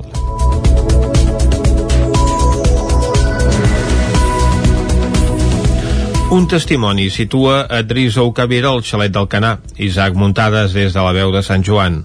La catorzena jornada del judici dels atemptats del 17 d'agost de l'any 2017 va centrar-se en els testimonis que van veure els joves de la cèl·lula terrorista de Ripoll al xalet del Canai que van ser testimonis de l'explosió. El més destacat va ser la declaració d'un testimoni protegit que és veí de l'urbanització Monte Carlo del Canà que vivia a prop del xalet. El testimoni va dir que va veure una moto, una camioneta llogada, un Peugeot i un Audi 3. Ell va veure sortir a Drisu Cabir amb l'Audi diverses vegades i de fet s'hi va creuar i es van saludar. A més va afirmar que dormia totes les nits a la terrassa de la casa i que el vehicle tenia matrícula francesa. El testimoni, que era francès i necessitava d'un intèrpret, va viure en directe una picabaralla del jutge Fèlix Alonso Guevara amb l'advocat d'Ucabir. La valla, ¿cómo era de esta casa, por favor? Avec la clôture et un portail en fer. En hierro. ¿Y la terraza cómo tenía? ¿Tenía también barandilla de hierro? ¿De qué tipo? Ya la hemos visto y la ha podido ver, por tanto, ya está. Protesto, señor. Se me impida esa Es pregunta. que no hay que examinar al testigo. Otra cosa es las preguntas sobre cómo pudo verla, etc. Pero ponerle trampas, a ver si cae en alguna, eso es impertinente, eso es sugestivo y capcioso. Todo lo que lleva a eliminar ese pregunta. El testimoni també va veure que Ucabir anava acompanyat. La majoria dels veïns afectats per l'explosió del xalet del Canà van ser indemnitzats pels desperfectes materials dels habitatges, però no pels danys psíquics que van patir. De fet, una senyora va explicar que va veure boles de foc quan es va produir l'explosió i que va patir lesions al cap, al braç i al dors de l'esquena. Un altre dels veïns de la zona que va sortir de casa per auxiliar les persones ferides va veure una furgoneta que va marxar molt de pressa. De fet, al judici també va haver-hi el testimoni del conductor que va xocar amb la furgoneta que conduïa Mohamed Hishami a l'AP7 al migdia de la jornada dels atemptats, quan ja s'havia produït l'explosió. L'accident es va produir a prop de la sortida de Cambrils. Aquest testimoni també parlava en francès. L'intèrpret va explicar què li va passar. Cuando me adelantó, eh, él aceleró, yo, eh, yo iba detrás porque no quería dejarlo que se fuera y entonces eh, se desvió hacia, hacia el lado de la carretera, yo me paré, me bajé del coche y fui a buscarlo hacia donde estaba diciéndole que qué hacía. Lo saqué del vehículo, lo cogí por la mano y lo llevé hacia mi coche donde estaba mi mujer y mis hijos y le dije que qué hacía porque casi nos mata. Que se quedó con nosotros un momento y después se fue, sacó su tarjeta, pagó el peaje y salió toda velocidad. A pie, se escapó. A l'interior de la furgoneta Kangoo va trobar-hi una targeta d'identitat i el contracte de lloguer a nom de Mohamed Hishami, documentació de Younes avui a CUP i la targeta de Said Alà. Va haver-hi un altre veí que menys d'un mes abans va veure com hi feien un trasllat i que descarregaven un congelador. L'Ajuntament de Torelló farà un estudi sobre la situació del comerç al municipi per reactivar-lo i dinamitzar-lo. El ple d'aquest dilluns, fet per via telemàtica, va aprovar la proposta del PSC que casa amb el treball que volia fer el govern i que la pandèmia va aturar. També es va donar el vistiplau a l'adhesió de Torelló a la xarxa de municipis per l'economia social i solidària i la moció pel desdoblament de la línia R3. Amb el vot unànime dels quatre grups, el ple de l'Ajuntament de Torelló aprovava aquest dilluns la proposta del PSC de fer un estudi sobre la situació del comerç de Torelló que impliqui l'agrupació de comerciants, els paradistes del mercat municipal i els marxants del mercat setmanal i que fixi els objectius per la reactivació del sector. L'equip de govern d'Esquerra Junts per Torelló tenia pendent un projecte similar amb taules de treball i enquestes als clients que la pandèmia va deixar aturat i, a, i que es vol desplegar l'any 2021. Joan Carmona és regidor del PSC a Torelló i Mercè Faja, la regidora de Comerç de l'Ajuntament del municipi. Ha de ser un full de ruta de la situació actual i futura, fet de manera consensuada a les diferents agrupacions comercials i que reculli demandes, iniciatives i propostes del sector. Hem cregut que havíem de treballar per ajudar aquest teixit per les necessitats del dia a dia i fer front a la pandèmia. I tots els objectius, de fer taules de treball, enquestes al consumidor, objectiu de consum, etc., els havíem de posposar pel 2021. En un punt cèntric també pel comerç, la plaça Nova hi ha tornat a haver d'arulls aquest darrer dissabte concentrats sobretot en un dels bars d'aquest espai. Responent a una pregunta de la CUP, la regidora de Seguretat Elisabet Vinyes explicava que s'han posat sancions i que es treballa també en iniciatives de conscienciació mirar de que Mossos també expliqués als instituts doncs, altres maneres de, de funcionar, que s'han de complir les normes, això pel que fa als usuaris i nosaltres com a policia seguim actuant per mirar de millorar i de que no hi hagin eh, aquests aldarulls i, i, i incivisme. En la sessió es va anunciar que aquest Nadal es mantindrà la Fira Toca Fusta nascuda l'any passat i que s'adaptarà a les restriccions de la pandèmia.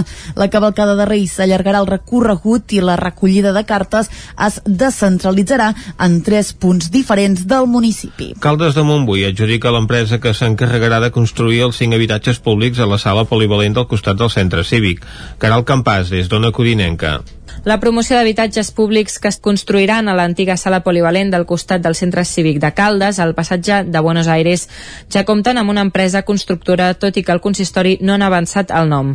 Aquest projecte, que es va haver d'aturar durant el confinament del març, va avançant ara a bon ritme. El regidor d'habitatge, Jordi Martín, creu que és una bona notícia per Caldes. Clar, i tant, i tant, clar. Pensa que eh, eh, amb tot el que hem hem patit no, aquests mesos de, de, de misèria de, de administrativa també, que es van aturar tots els processos, etc etc, ens ha fet endarrerir, no? Però ara ja estem arribant al final. En aquest mandat es podran veure avenços en matèria d'accés a l'habitatge, una problemàtica molt reivindicada a Caldes que en aquests moments no compta amb un parc d'habitatges públics ni d'emergència.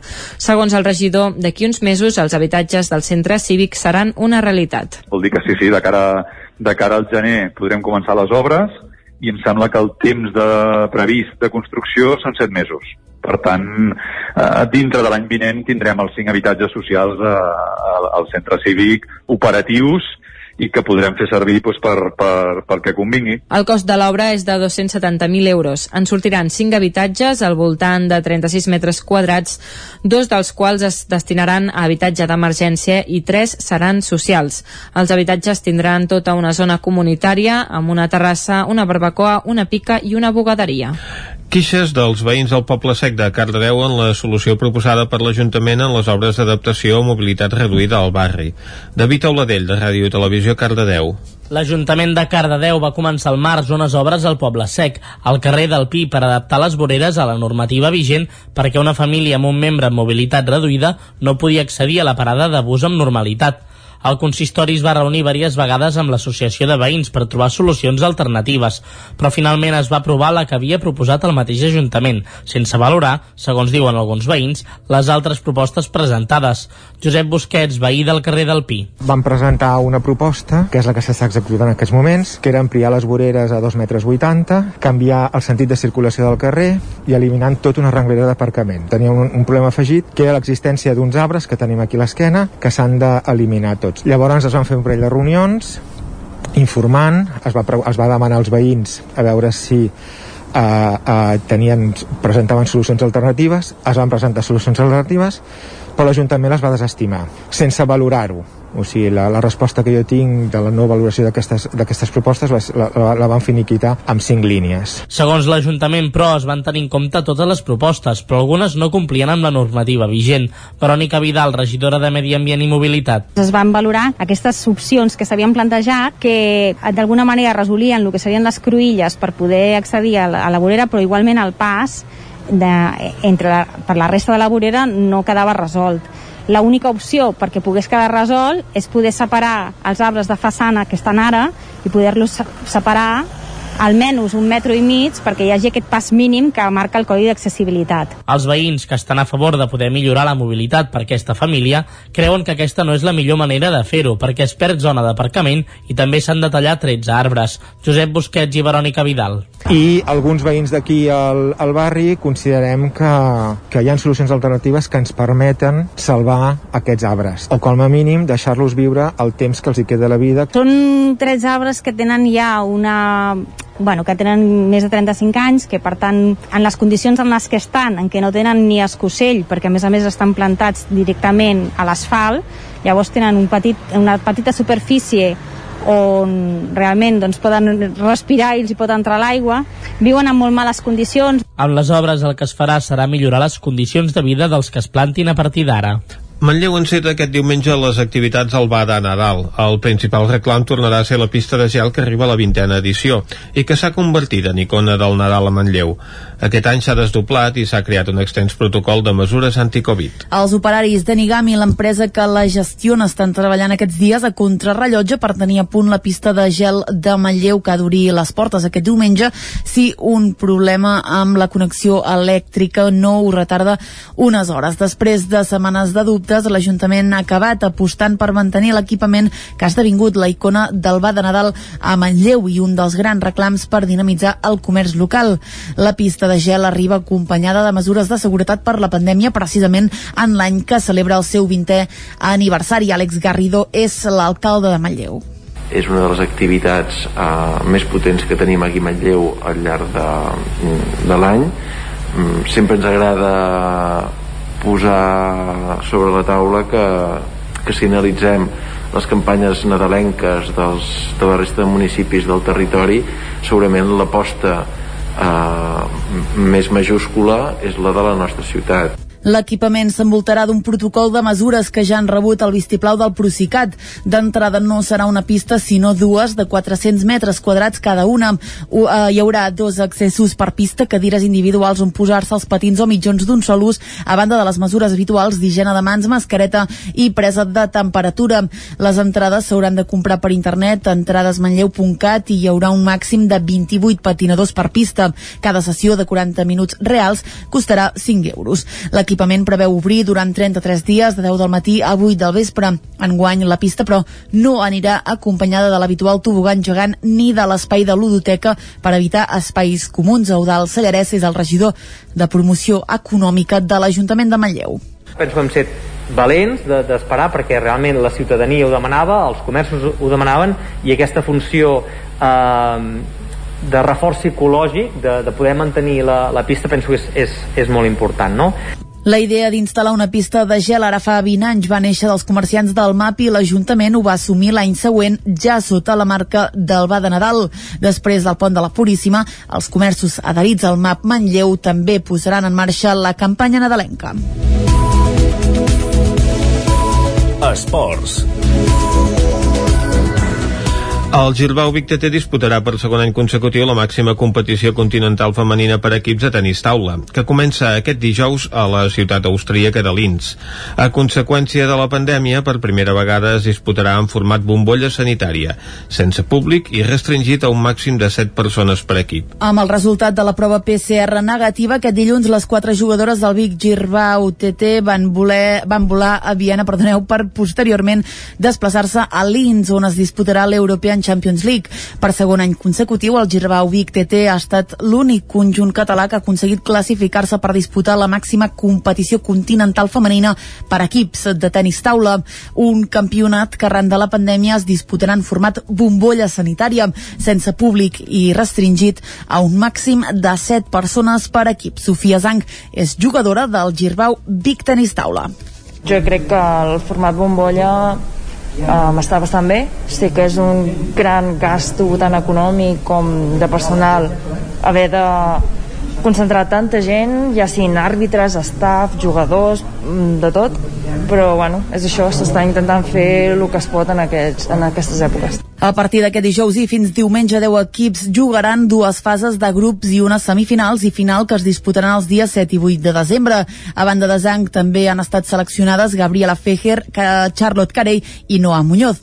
Conscients que entre els primers caps de sèrie hi ha el Berlin Eastside i el Senkentinua, l'objectiu de l'equip biguetà és passar la fase de grups i ser a semifinals, ho explica Enric Roca, president del Girbau Vic, tenis taula i també la jugadora Sofia Zang. Si les nostres jugadores tenen encert i, i es classifiquen per la semifinal seria bueno, algú impensable respecte també al format de competició en què es concentra tot en un campionat llavors l'anada i tornada no juga a vegades això ja és com una mica perjudica i afavoreix a tots els equips perquè abans si potser perdies el primer partit encara tenies opció de guanyar el segon i ara és com en un partit es decideix tot Coincidint amb aquesta participació, dissabte es va fer oficial l'acord de col·laboració i patrocini entre el Girbau Vic TT i Vallès Esport. I fins aquí el butlletí de notícies de les 10 que us hem ofert amb Vicenç Vigues, Clàudia Dinarès, David Auladell, Caral Campàs i Isaac Muntades. Ara toca de nou refrescar la informació meteorològica.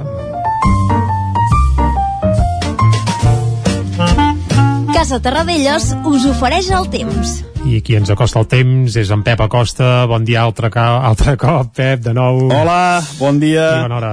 Hi ha hagut poques boires. Um, N'hi ha alguna boirina, poder cap a plana de Vic, cap a plana del Vallès, però poca cosa, eh? No, no, no hi ha... No tenim anticicló, tenim aquesta entrada de vents de nord, i això fa que, lògicament, les boires no es puguin uh, aposentar.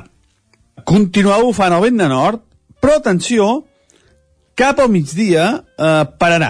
Pararà, tindrem un parell d'ingredients diferents que els d'ahir. Cap al migdia pararà aquesta injecció de vent de nord i els vents giran una mica cap al sud, sud sud-est. Eh, durarà molt poc, una part del dia, i això farà que la temperatura no baixi tan empicat com ahir. Poder les màximes seran un o dos graus més altes.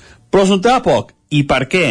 Es notarà poc perquè cada vegada hi haurà més núvols, hi ha molts núvols prims, mm, passaran a ser mitjans cap a la tarda, i també durarà poc perquè de cara a la tarda vespre hi tornarà a haver un, una injecció d'aire fred d'un front, d'una perturbació que se'ns acosta. I eh, aquests dos elements, entre el vent que de, torna a bufar del nord, que acaba hi haurà més núvols, a partir de tarda vespre l'ambient tornarà a ser molt fred. Uh, de cara a última del dia, pot ser que caiguin quatre volves de neu al Pirineu. Mm, si arriben a caure, molt poca cosa. Quan ve de nord, eh, les entrades de vent de nord, d'aire fred de nord i les perturbacions de nord, sempre a més cap al Pirineu Occidental. Per tant, a les nostres comarques la nevada serà bastant testimonial, ja dic, eh? Uh, aquesta nit, uh, ja matinada, si és que arriba a caure alguna cosa, si és que arriba a caure, serà tot testimonial. Les nevades sempre al nord afecten més a l'extrem occidental, com deia, del Pirineu. I les temperatures màximes, mm, poder això, un o dos graus més altes que les d'ahir, a pocs jocs superarem els 11-12 graus. Moltes gràcies i fins demà. Vinga, Adéu. Gràcies a tu, Pep. Salut, a reveure. I ara, de seguida, saludem la consellera d'Agricultura, Teresa Jordà. Casa Tarradellas us ha ofert aquest espai. Territori 17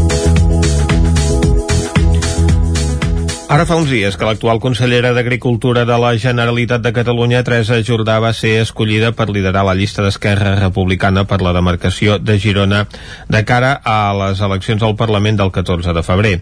Jordà no va tenir oposició a les primàries perquè no s'hi va presentar cap altra candidatura, però tot i això la consellera ripollesa va aconseguir 284 signatures d'aval, que suposa un suport del 25% dels militants gironins, una de les xifres més altes de la història, segons el partit partit. Anem a la veu de Sant Joan on ens espera l'Isaac Muntades. Bon dia. Bon dia, Vicenç. Doncs sí, avui podem saludar la consellera d'Agricultura, Ramaderia, Pesca i Alimentació, Teresa Jordà, qui ja tenim al telèfon i que agraïm molt que hagi volgut dedicar-nos un espai en aquests dies doncs, tants complicats perquè s'acosten les eleccions i també estem enmig d'una pandèmia que està afectant les nostres vides de forma quotidiana. Bon dia, consellera, i moltes gràcies per atendre'ns. Hola, molt bon dia. Bon dia, Teresa. La primera pregunta és obligada, consellera. Ha tingut un suport majoritari dels militants d'Esquerra Republicana de Catalunya de Girona. No sé si s'esperava tant suport. Eh, nosaltres ja la veiem candidat abans de començar, però per què ha decidit fer aquest pas? Uh, bueno, escolta, el suport dels companys uh, és extremadament imprescindible sempre, eh? perquè això és un equip i si no tens l'escalf i, i el suport dels companys i companyes de, dels regidors, dels càrrecs electes, dels alcaldes, dels militants, dels simpatitzants, en, en definitiva de, del, del partit és molt complicat tot plegat. Uh, és a dir, que estic extremadament uh, contenta i, i escolta'm, molt musculada perquè som un equip uh, amb moltes ganes, amb molta il·lusió i amb molta feinada. I són optimistes de cara a les eleccions perquè Girona és una demarcació on eh, el pes de Carles Puigdemont doncs, es va notar amb uns resultats que van fer que Junts per Catalunya doncs, tragués una major avantatge sobre Esquerra Republicana. Bueno, eh, optimistes ho som, ho som sempre, eh, nosaltres, és a dir, nosaltres tenim molt clar quin és el, el nostre projecte, quina és eh, l'estratègia de, d'Esquerra Republicana de Catalunya, també quines són les necessitats en aquests moments de les comarques gironines i òbviament també de, de llarg i ample del país. I, i nosaltres el que farem és explicar aquestes propostes i com sempre ser útils als ciutadans i ciutadanes perquè entenem que per això ha de servir únicament, no és poc la política. A partir d'aquí mm, tota la sort del món per les altres formacions polítiques, per les seves estratègies, per, el que ens vulguin explicar i seran els ciutadans i ciutadanes que decidiran, és dir, tot, tot està obert, nosaltres molt convençuts d'allò que, que volem abraçar, de, de per allò que volem treballar i, i, i Déu dirà que diuen, eh? De moment a les enquestes, per això, consellera, tot fa pensar que Esquerra doncs, eh, podria guanyar les eleccions, però no tindria aquesta majoria absoluta per governar, per tant hauran de fer pactes. No sé amb qui se sent més còmode, amb reeditar el pacte amb Junts per Catalunya o, per exemple, eh, fer un govern d'esquerres amb, amb En Comú Podem i el PSC o la CUP?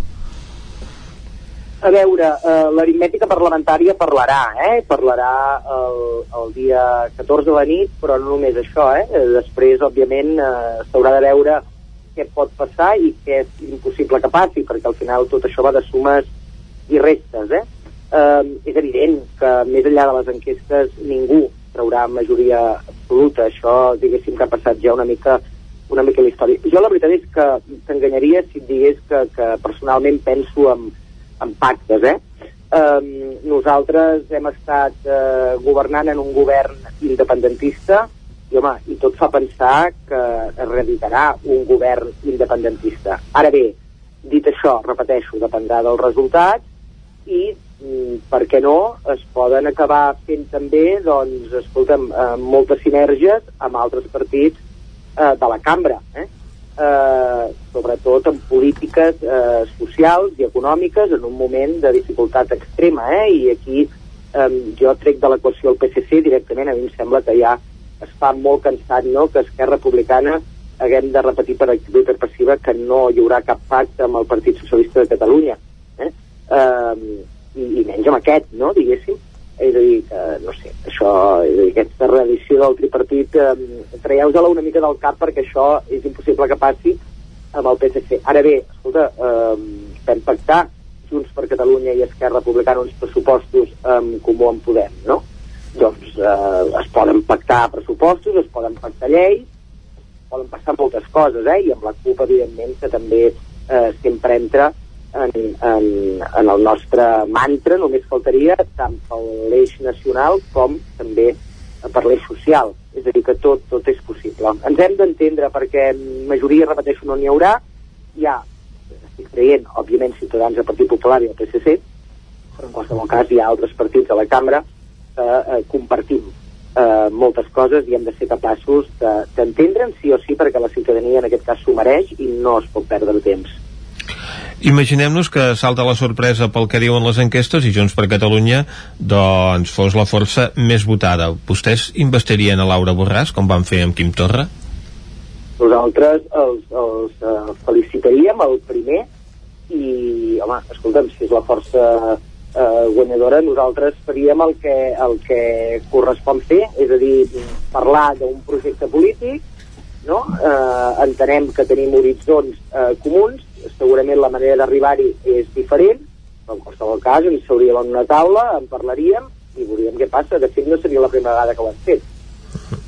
Mm -hmm.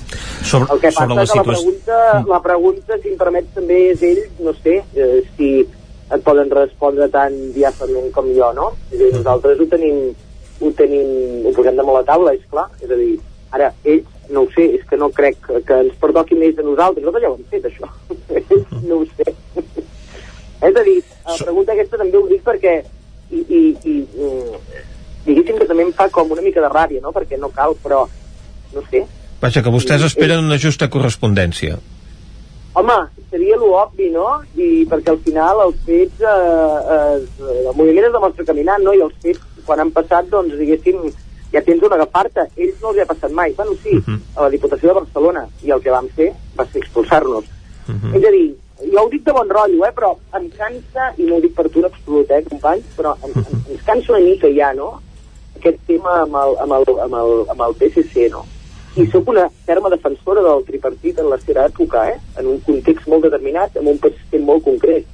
Però estem en un altre moment polític i en una altra situació. Per tant, PSC fora de l'equació i la resta tot és possible. I si guanya eh, Junts per Catalunya, evidentment, ho hem fet en més d'una ocasió. La pregunta ah, no ha d'anar dirigida a nosaltres, crec. Doncs, eh, si tornem a parlar d'eleccions, imaginem-nos que hi ha una majoria independentista i se sobrepassa el 50% dels vots. Es declararia unilateralment la independència? O Esquerra aposta per fer un altre referèndum, com la CUP també apuntava fa uns dies?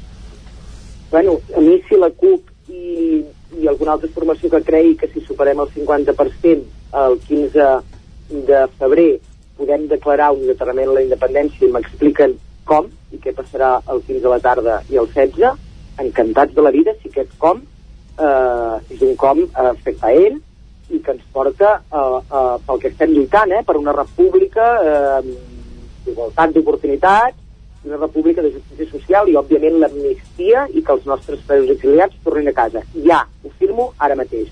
Uh -huh. Però a mi m'haurien d'explicar molt bé, no a mi, sinó a Esquerra Republicana i a tota la gent eh, que ens pot donar suport en aquesta campanya. El 50% l'haurem de sumar, l'haurem de superar amb escreix durant temps en diferents comicis, uh -huh. perquè el que necessitem és estar forts, forts, sense cap mena de dubte, per poder, si cal, si cal, declarar la independència de manera unilateral. Si cal, eh? Nosaltres estem en una taula de negociació, nosaltres som els que sempre estem a la taula, nosaltres som aquells de, del diàleg, diàleg, diàleg, fins fa un temps ho érem tots, ara no sé si en serem menys, però en qualsevol cas parlar, eh? perquè parlant és com es solucionen les coses, i estar preparadíssims per guanyar, per guanyar, perquè l'1 d'octubre va ser una victòria incontestable, la millor de les victòries, però no la vam culminar. I el que hem de fer és culminar d'una puta vegada, tenir un estat propi i, eh, i tirar endavant aquest país.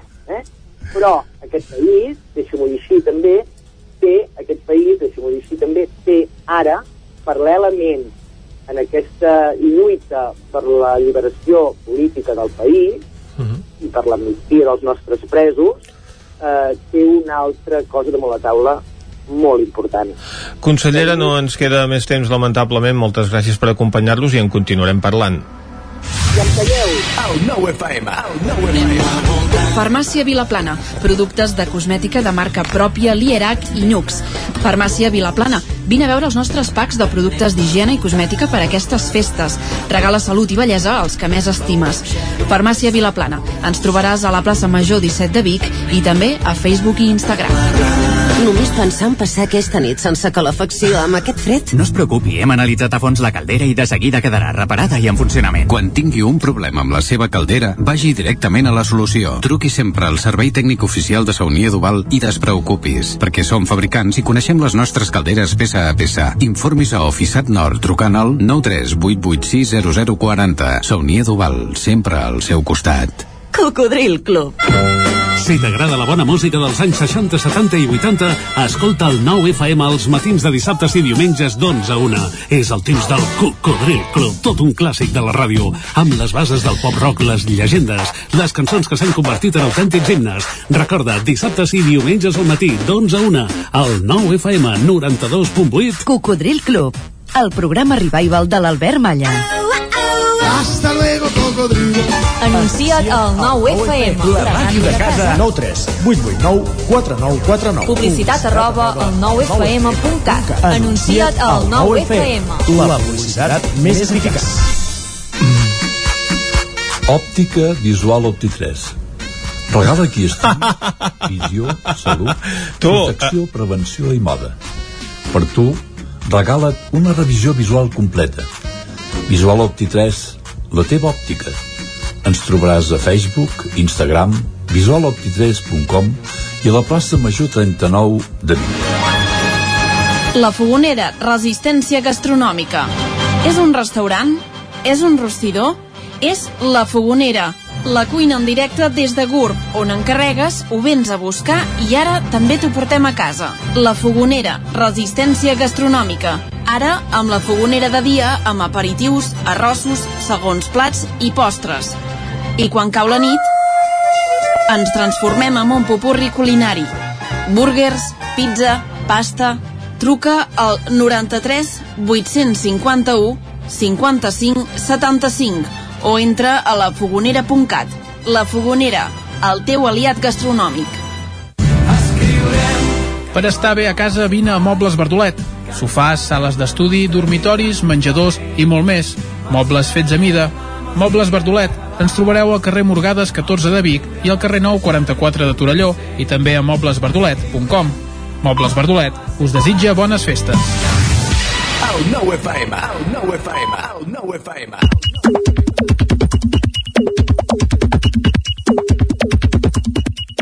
Les 11 i Isaac... eh, Sí, torno a dir l'hora perquè m'han anat microtard. Són dos quarts 11 per variar i ara és l'hora que ens visita sempre l'Isaac Moreno. Bon dia. I bona hora. Vols que llegeixi pi, eh, piolades? Sí, home, i tant. Ah, doncs comencem per la de Miquel R. Diu, alguns fumadors amb l'aval de no haver de dur mascareta expulsen el fum i alguna cosa més, bueno, alguna casa, diu aquí, amb un punt de, de suficiència irritant. Uh, clar, no han de dur mascareta en tot cas al moment de fumar, però després sí. Vull dir, doncs...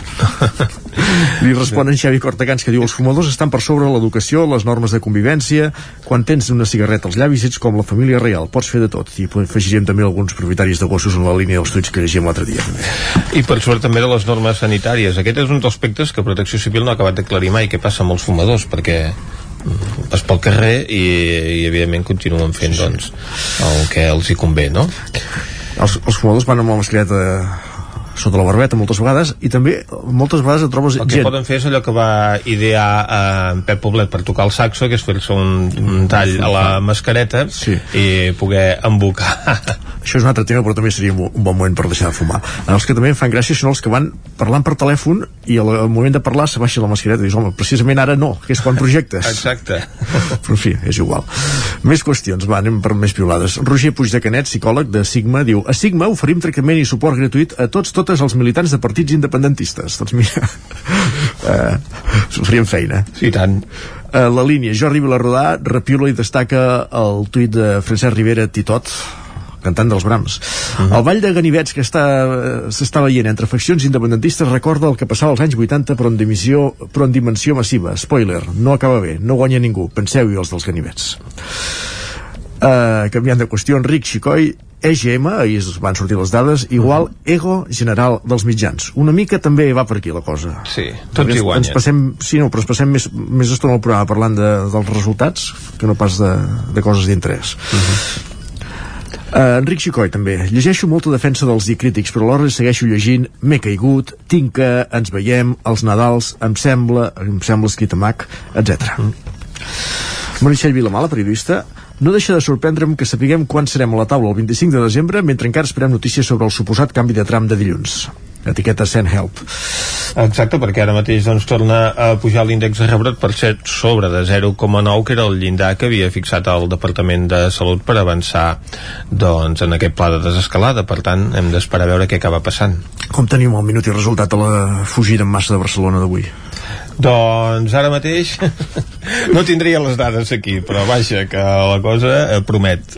Xavi Verdolet, doncs trobo que si Messi no arriba als 600 euros per pagar la multa per la samarreta de Maradona, podria demanar un euro a les xarxes, faria 600 milions en un parell d'hores i els podria donar tots a la Marató per la Covid. bueno, rest, rest, restant els 600, clar. Pep Tines, ara no sé si ho he vist bé, la meva vista ja no és el que era, però pot ser que a l'anunci de la grossa hi surti un tio que gansa pel corredor? No sé, eh, m'ho ha semblat. Haurem de revisar el vídeo. Guillem Freixa diu no li digui èpica, digui Unió Esportiva Llagostera. Quin final de Copa Federació. La història de ciència-ficció d'aquest club continua. Felicitats, Oriol, Alzina i companyia. Antoni un fervent seguidor del Llagostera sí. en Guillem Freixa, Freixa. El, el va seguir molt temps com a professional al seu moment. Exacte. Antoni Borra Advocat es fixa amb el tuit de Marta Jofre que diu el món és meravellós, en alguns aspectes. Un diputat homòfob enxampat en una orgia gay. I li Borra que diu sembla que aquest predica amb l'exemple a l'inrevés Jordi Ginesta, músic i mestre. Com a músic català em sobta molt que TV3 utilitzi cançons de músics internacionals sobtadament coneguts, sobradament coneguts, perdó, i promocionats en els anuncis que la mateixa cadena fa dient que ara és el moment de donar suport a la cultura. Són detalls, però vaja, què sé jo.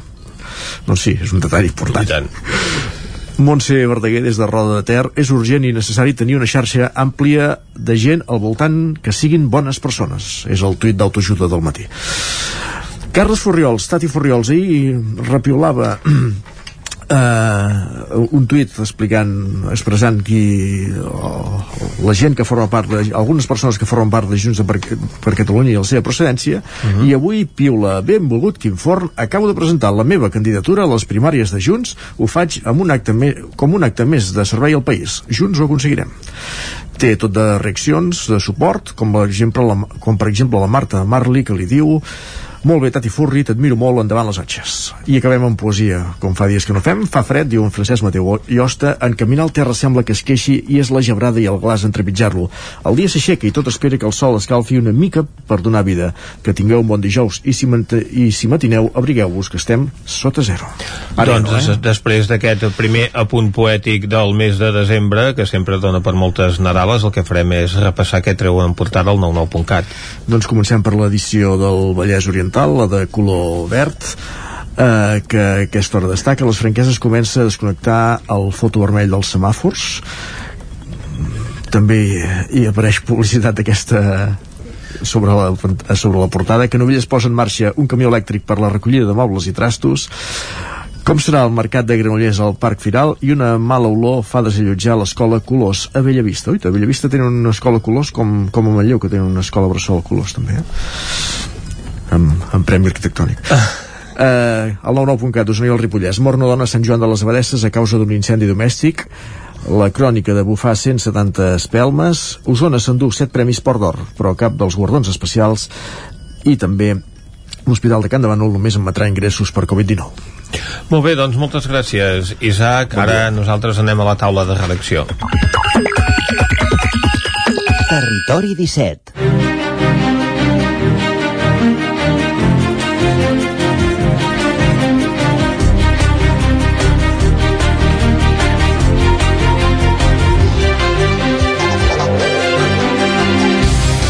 i avui en aquesta taula de redacció comptarem amb la presència de la Caral Campàs i d'en Guillem Freixa.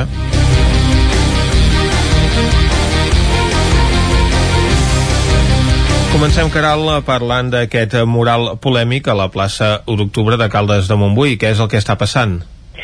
Doncs bé, mira, uh, perquè us en feu una idea, és un mural d'uns 15 metres que està pintat a un mur uh, de color groc i on es pot llegir uh, la voluntat d'un poble no es pot aturar um, amnistia, llibertat, uh, absolució Xènia fent referència als presos polítics i aquesta noia de Caldes que va ser detinguda en el marc de les mobilitzacions d'ara fa um, un any. Llavors, uh, la qüestió és que uh, aquest mural l'han fet conjuntament les entitats uh, independentistes de Caldes, eh, que formen, que són el grup de suport a Raül Romeva, l'ANC, Òmnium, el grup de suport a la Xènia, el CDR i Caldes Groga. I ja us avanço que la clau de la volta de tot plegat està en qui té la propietat del, de la paret. Eh, D'una banda, aquesta paret que està a la plaça 1 d'octubre de Caldes i és just um, colindant o, o es pot veure que forma part de l'edifici de la parròquia de Santa Maria, de l'església de Caldes. Um, bé, l'església comenta que, que és seva, Uh -huh. i l'Ajuntament, per altra banda, eh, no es pronuncia, tot i que les entitats eh, han fet una recerca i elles diuen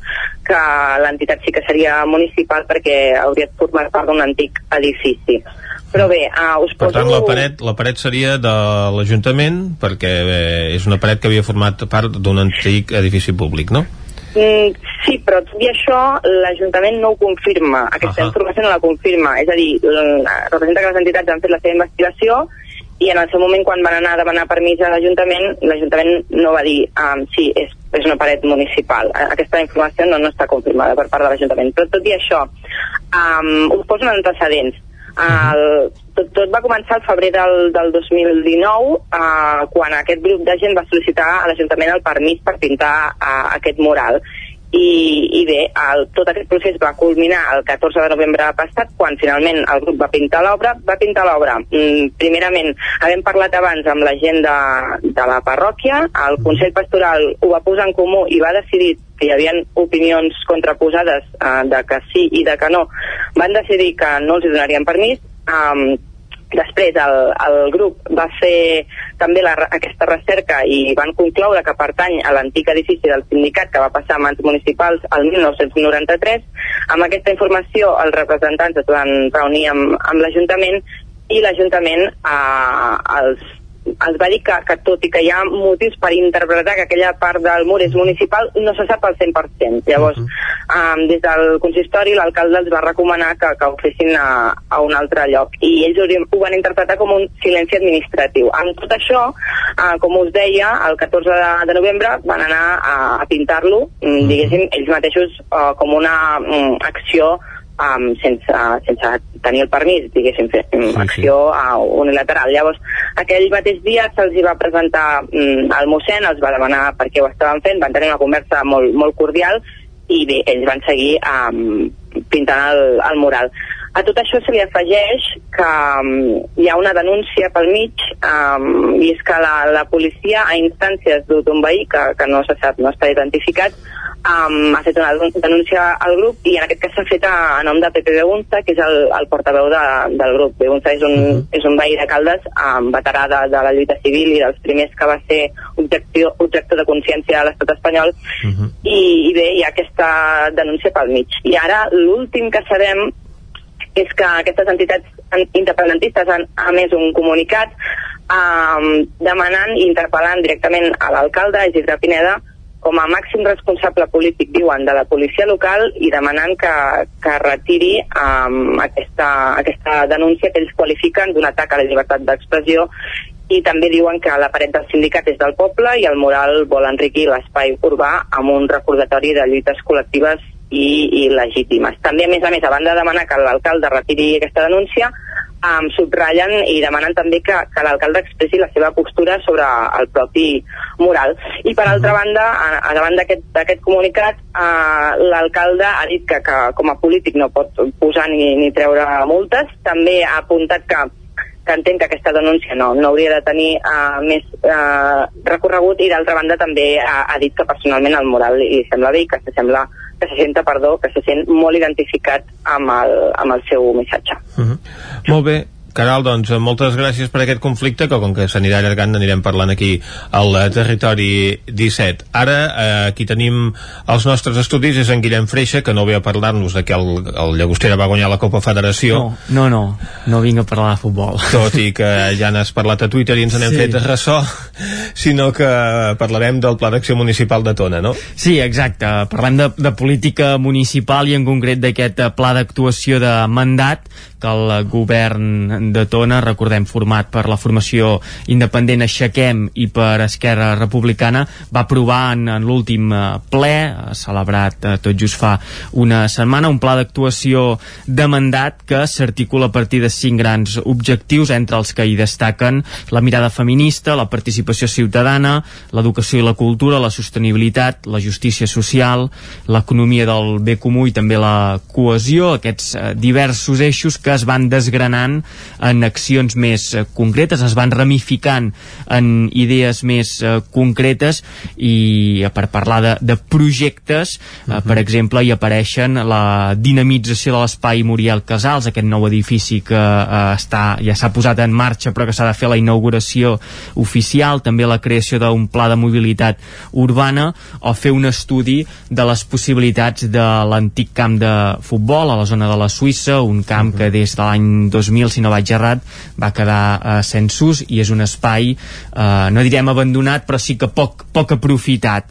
Entre aquests projectes que es volen desenvolupar en aquest eh, pla d'actuació de mandat, un dels que crida més l'atenció és eh, la intenció d'aconseguir una nova residència municipal per la gent gran, l'actual uh -huh. que està situada al mig del carrer Major, és força vella, força petita, amb poques eh, places i podríem dir que és poc funcional eh, aquesta situació de la residència combinat amb que l'envelliment progressiu de la població doncs, anirà més en els propers anys, tindrem cada cop un volum de població més eh, envellida fa que sigui una prioritat eh, començar a treballar en aquesta atenció a les persones grans del futur i per això la voluntat en aquests eh, tres anys que queden de, de mandat doncs és eh, començar a dissenyar com hauria de ser aquesta uh, residència, sempre són projectes importants i ells ara es marquen uh -huh. això, eh? dissenyar com hauria de ser aquesta residència, a on s'hauria d'ubicar, ja és un tema que uh, als carrers de Tona sempre se'n va parlant d'una uh -huh. nova residència municipal, recordem que Tona en té dues de de, de privades, privades, però amb algunes places públiques també. Exacte, sí, amb, amb places uh, públiques, però sí que hi ha uh, aquesta oferta, però exclusivament uh, municipal hi ha la del carrer Major uh -huh. que es creu això, que és petita, poc convencional i que veient quina serà l'evolució demogràfica de la societat en general i en concret també de, de Tona, uh -huh. doncs uh, es vol començar a posar l'estructura del que hauria de ser una, una futura residència. El ple d'aquest mes de novembre, celebrat, com diem això, el, pràcticament l'últim dia de, de novembre. També va servir per eh, desvelar quins uh, serien el, quins són els, un, dos dels premis importants de Tona. Uh -huh. eh, tenim el Premi Noi de Tona que reconeix entitats del municipi i ha sigut per al Club Patinatge Artístic Tona referència del patinatge eh, català sense cap mena de dubte també estatal i amb participacions a nivell europeu i mundial. I també hi va haver el reconeixement al miliari que es fa a una persona que ha tingut un paper destacat en el municipi, en aquest cas va ser per Antònia Serra, persona molt vinculada a les entitats del municipi i també va ser alcaldessa del 2003 al 2007 aquests eh, dos premis que es van aprovar per unanimitat si bé és cert que des de l'oposició, des de Junts per, per Tona es va eh, criticar el nou mètode que tenen per escollir el, el Premi Miliari dient doncs, que, que no hi havia prou comunicació, que no s'havia comunicat prou bé com s'havia de fer per aportar eh, els, els candidats que, que hi opten. I pel que fa, tornant, tornant tornem acabant amb el, amb el PAM Junts per Tona també va dir que és un document que arriba tard, arriba quan ja portem un any i mig de, de uh -huh. mandat i també que era molt genèric i que les úniques coses concretes que hi apareixien són projectes que havien iniciat ells en l'anterior mandat. El uh -huh. que deia més, va aprovar aquest PAM, aquest full de ruta per als propers eh, 3 anys a, a Tona. Doncs moltes gràcies, Guillem. A Tona hi havia hagut dos cinemes, ara no en queda cap, per tant, la Núria Lázaro no ens portarà a Tona ara mateix, però sí que ens portarà al cinema. Territori 17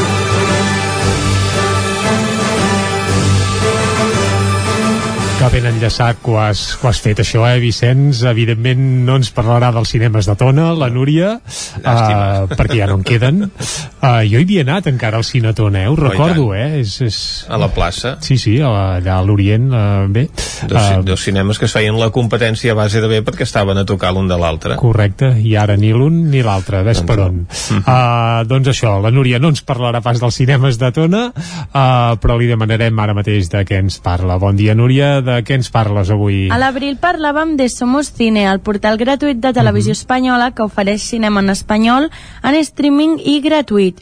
Des de llavors han estat moltes les ficcions que s'han afegit al catàleg. De fet, cada dissabte Televisió Espanyola emet una pel·lícula i després la incorpora Somos Cine, com per exemple El fotògraf de Mauthausen o 100 metres. Llavors, el que us porto per avui és un llistat de 10 pel·lícules que podreu trobar a Somos Cine. De fet, són les 10 pel·lícules més vistes durant aquest mes.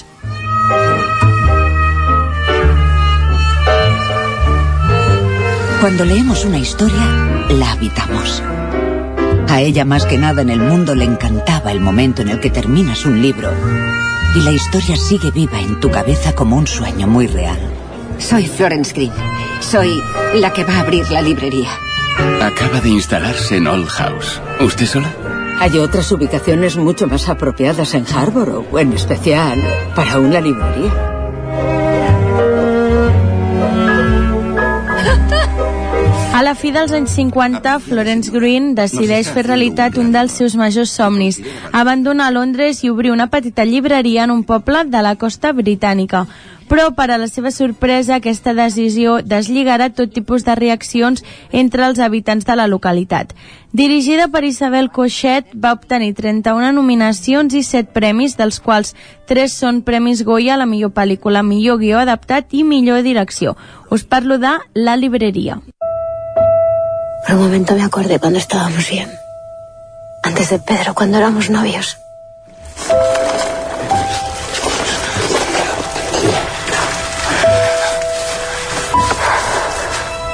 Vamos a salir juntos de esto.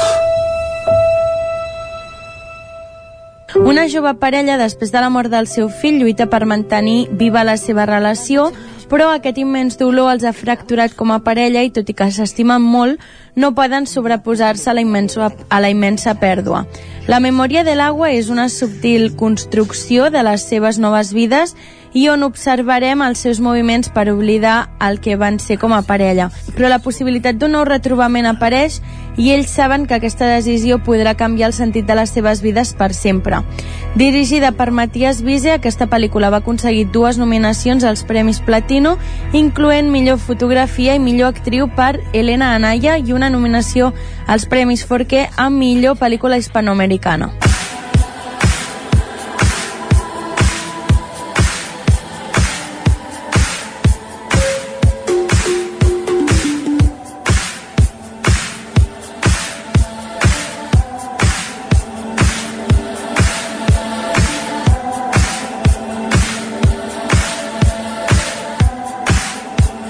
15 anys, l'Adele no té dubtes que una noia ha de sortir amb nois.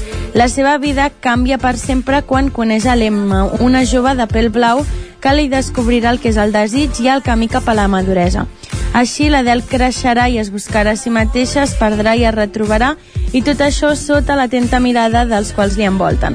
La pel·lícula La vida de Adele, que va fer història al Festival de Cannes de 2013, la teniu disponible a Somos Cine.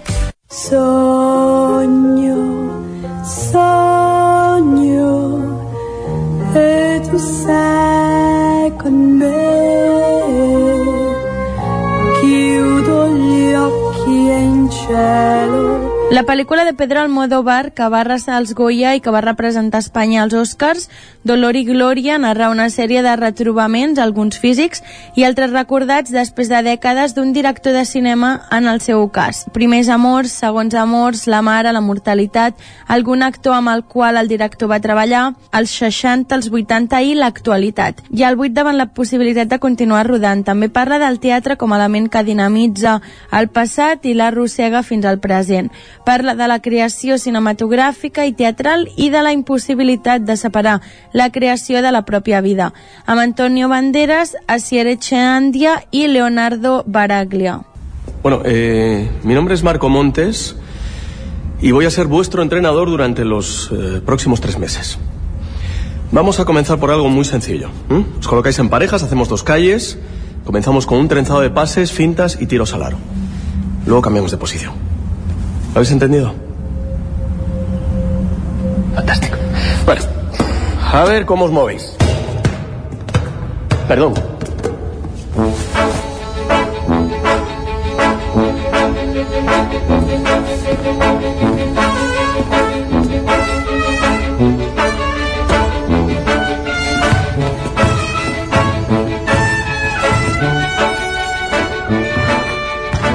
Si el que us ve de gust és emocionar-vos una vegada i una altra, Campeones és la vostra pel·lícula.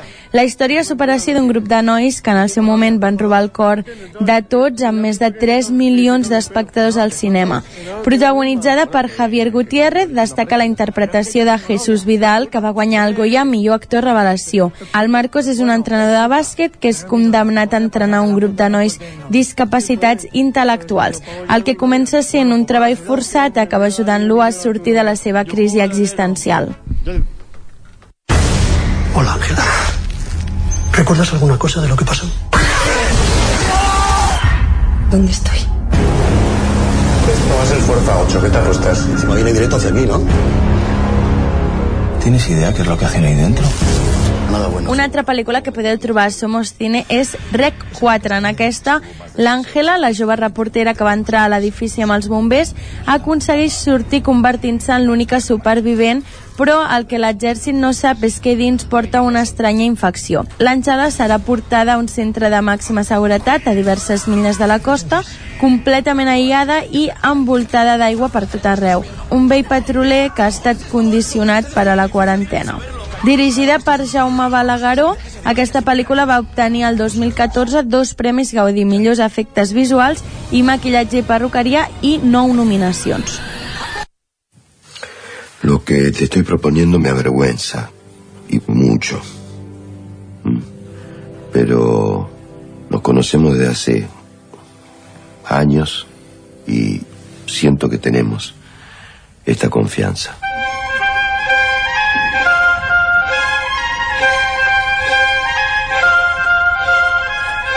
¿Trabajo o placer? Las dos cosas, espero. Dale, salame, móvete. Te pasa, hermano? Buenas noches, ¿uno solo? Creo que sos buena para las matemáticas. El acta de infracción dice que el auto estaba mal estacionado y eso se considera prueba suficiente. Doncs un dels majors èxits que trobareu a Somos Cine, una de les pel·lícules més vistes i que personalment és una de les meves pel·lícules preferides, és la pel·lícula argentina Relatos Salvajes amb el Ricardo Darín, que és una antologia de contes visuals inoblida inoblidables. L'èxit, el vertigen, la competència i la desigualtat del món en què vivim produeixen que moltes persones s'estressin o deprimeixin. Algunes exploten i aquesta és una pel·lícula sobre ells, vulnerables davant una realitat que sobtadament s'altera i es torna impredictible.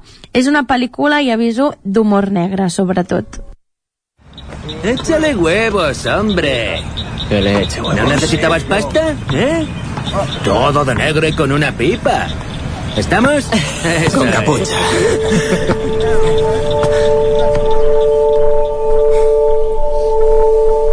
Pero a fin de cuentas. A la vida i nada més trobem a l'Andrew, que és un adolescent afroamericà que anela trobar el seu lloc a Amèrica del Nord actual. Amb la seva mare Regina, qui al seu entorn desitja trobar alguna cosa més en la seva vida que ocupar-se dels seus fills, l'Andrew es veurà forçat a sofrir la pressió de les responsabilitats familiars. A més, la seva cerca per comunicar-se amb el seu pare ja mort li portarà a prendre un perillós camí. Dirigida per Antonio Méndez Esparza, aquesta pel·lícula va ser guanyadora del Festival de Sant Sebastià en la secció oficial, del Premi Joan Casabets en els Premis Independent Spirit i el Premi Especial en els Premis Feroz. Bueno, no sé si te habían dicho, voy a estar unas semanas aquí haciendo una residencia artística con Jauma. Tú eres la mujer de Jauma, ¿no? Sí. Yo creo que con Jaume no se puede aprender nada. ¿Qué opinas de mí? ¿Como artista? Como persona. Doncs una altra de les pel·lícules que alguna vegada n'hem parlat aquí al cinema és Petra amb la Bàrbara Leni. La Petra no sap qui és el seu pare, li han ocultat al llarg de la seva vida i després de la mort de la seva mare inicia una cerca que li condueix en Jaume, un cèlebre artista plàstic poderós i despistat. En el seu camí per conèixer la veritat, Petra també entra en contacte amb en Lucas, fill del Jaume, i la Marissa, l'esposa del Jaume i la mare del Lucas. A partir d'aquest moment, la història d'aquests personatges es va entreteixint en una espiral de maldat, secrets familiars i violència que els porta a tots els límits. El destí donarà un gir a la seva lògica cruel, obrint un camí per a l'esperança i la redempció. Dirigida per Jaime Rosales, aquesta pel·lícula va obtenir 16 nominacions i un Premi Gaudí a millor actor de repartiment per l'Oriol Pla. Dile a tus padres que vengan a hablar conmigo. Dime una oportunidad, por favor. Ya no me quedan. ¿Qué tal las clases? Bien. Yo antes estudiaba, pero mis padres se separaron. Doncs amb la que acabo avui, que teniu disponible Somos Cine, és la que va ser la gran sorpresa dels Premis Goya 2018, A Cambio de Nada, dirigida pel Daniel Guzman i protagonitzada per el Miguel Herrán. Darío i Luismi, dos adolescents units per una forta amistat, comencen a forjar el seu futur en els espais de marginalitat que la societat els deixa. Empesos per les seves circumstàncies individuals i familiars, comencen a endinsar-se en el món de la delinqüència i la marginació. Guzman va barallar durant 10 anys per a tirar endavant aquesta pel·lícula. Diu que era una necessitat autobiogràfica que volia parlar sobre l'amistat, la necessitat, les ruptures familiars i la relació amb la tercera edat. I en aquesta pel·lícula, si recordeu, la seva àvia interpretava un paper principal i també va ser molt emotiu el discurs de Daniel Guzman als Premis Goya. No t'ho perdis. Estrenes de la setmana. Doncs ara que tenim els cinemes oberts, anem a les estrenes i comencem per al Cinema Esbarjo de Cardedeu. No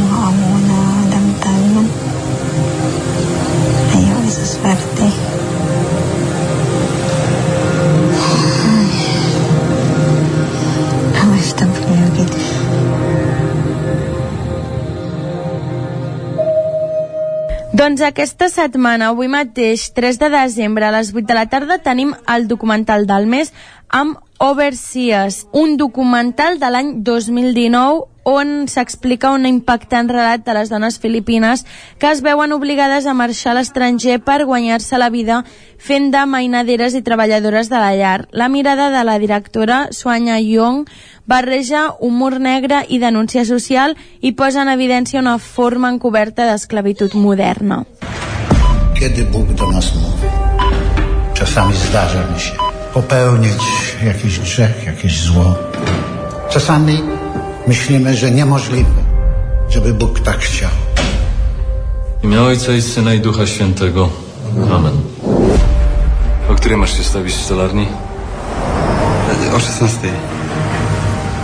Drugi koniec kraju jest, nie? I co, pękasz? Dasz radę. Co, nie macie gdzie spać w tej stolarni? W jakiej stolarni? A skąd jesteś? Księdzem jestem. I al cinema Esbarjo de Cardedeu també trobareu aquest cap de setmana el 4, el 5 i el 6 Corpus Christi. En aquest cas és una pel·lícula del Jan Komasa, una pel·lícula polaca, i és un drama no recomanat per a menors de 16 anys, on en Daniel, un jove de 20 anys, experimenta una transformació espiritual mentre viu en un centre de detenció juvenil. Vol ser sacerdot, però això és impossible a causa dels seus antecedents penals i quan és enviat a treballar a un taller de fusteria en una petita ciutat, es vesteix de sacerdot i es fa càrrec accidentalment de la parròquia local. Hay una cámara ahí, ahí. Dinero. No, giro postal. Esta corbata no es barata. La gente quiere ser multimillonaria. Eso ansía. Así te enganchan. Al azúcar, a la cafeína. Pero yo prefiero ir por libre. Y yo febrero, marzo, abril... Um, Doncs passem ara a les estrenes del cinema Sucre de Vic, en aquest cas. La primera estrena és Com sobrevivir en un mundo material, una, una drama comèdia, podríem dir, de la Miranda Juli, que en ella explica la història de, de la Teresa i en Robert, que són dos estafadors professionals que porten 26 anys formant a la seva única filla, l'Oltolio, per timar, estafar i robar a cada oportunitat que se'ls presenta. Durant un cop mal planificat i a la desesperada, la família convenç a una desconeguda perquè s'uneixi al seu següent frau. Una cosa que, sens dubte, remourà tot el seu món. Hay momentos en que uno no elige. Aquella fue la primera vez que pisaba la Tierra del Sur. Doncs una altra de les estrenes és aquest drama del Carlos Cedes, El verano que vivimos, amb la Blanca Suárez i el Javier Rey com a protagonistes. Està ambientada l'any 1998, on la Isabel, una estudiant de periodisme, es veu obligada a realitzar les seves pràctiques al diari d'un petit poble coster gallec per acabar la carrera. A l'arriba vol començar el més aviat possible a investigar, a demostrar tot el que ha après per convertir-se en una autèntica periodista. Però el lloc que li donen, el lloc que l'assignen, és l'últim que ella esperava, l'escriptura i gestió de les esqueles que arriben a la redacció. Però això, que podria semblar al principi una cosa avorrida, s'acaba convertint en la seva porta cap a una investigació que la portarà per diferents punts de la geografia espanyola en la cerca d'una història d'amor impossible. Asesina una hiena. Una bestia humana. Circulado estos días por Barcelona alarmantes rumores respecto a la desaparición misteriosa de buen número de criaturas de corta edad. No, no estic al corrent de res. Doncs una altra estrena del cinema Sucre de Vic, on podrem veure el Roger Casamajor, la Nora Navas o la Bruna Cosí, entre d'altres, és la vampira de Barcelona de Lluís Danès, i en aquest cas està inspirada en la Barcelona de principis del segle XX, on conviuen dues ciutats, una burgesa i modernista i una altra sòrdida i bruta.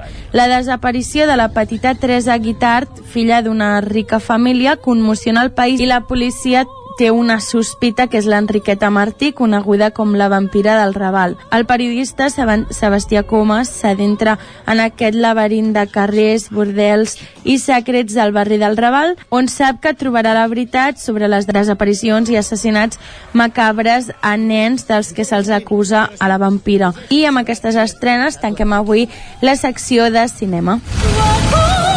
La vampira de Barcelona.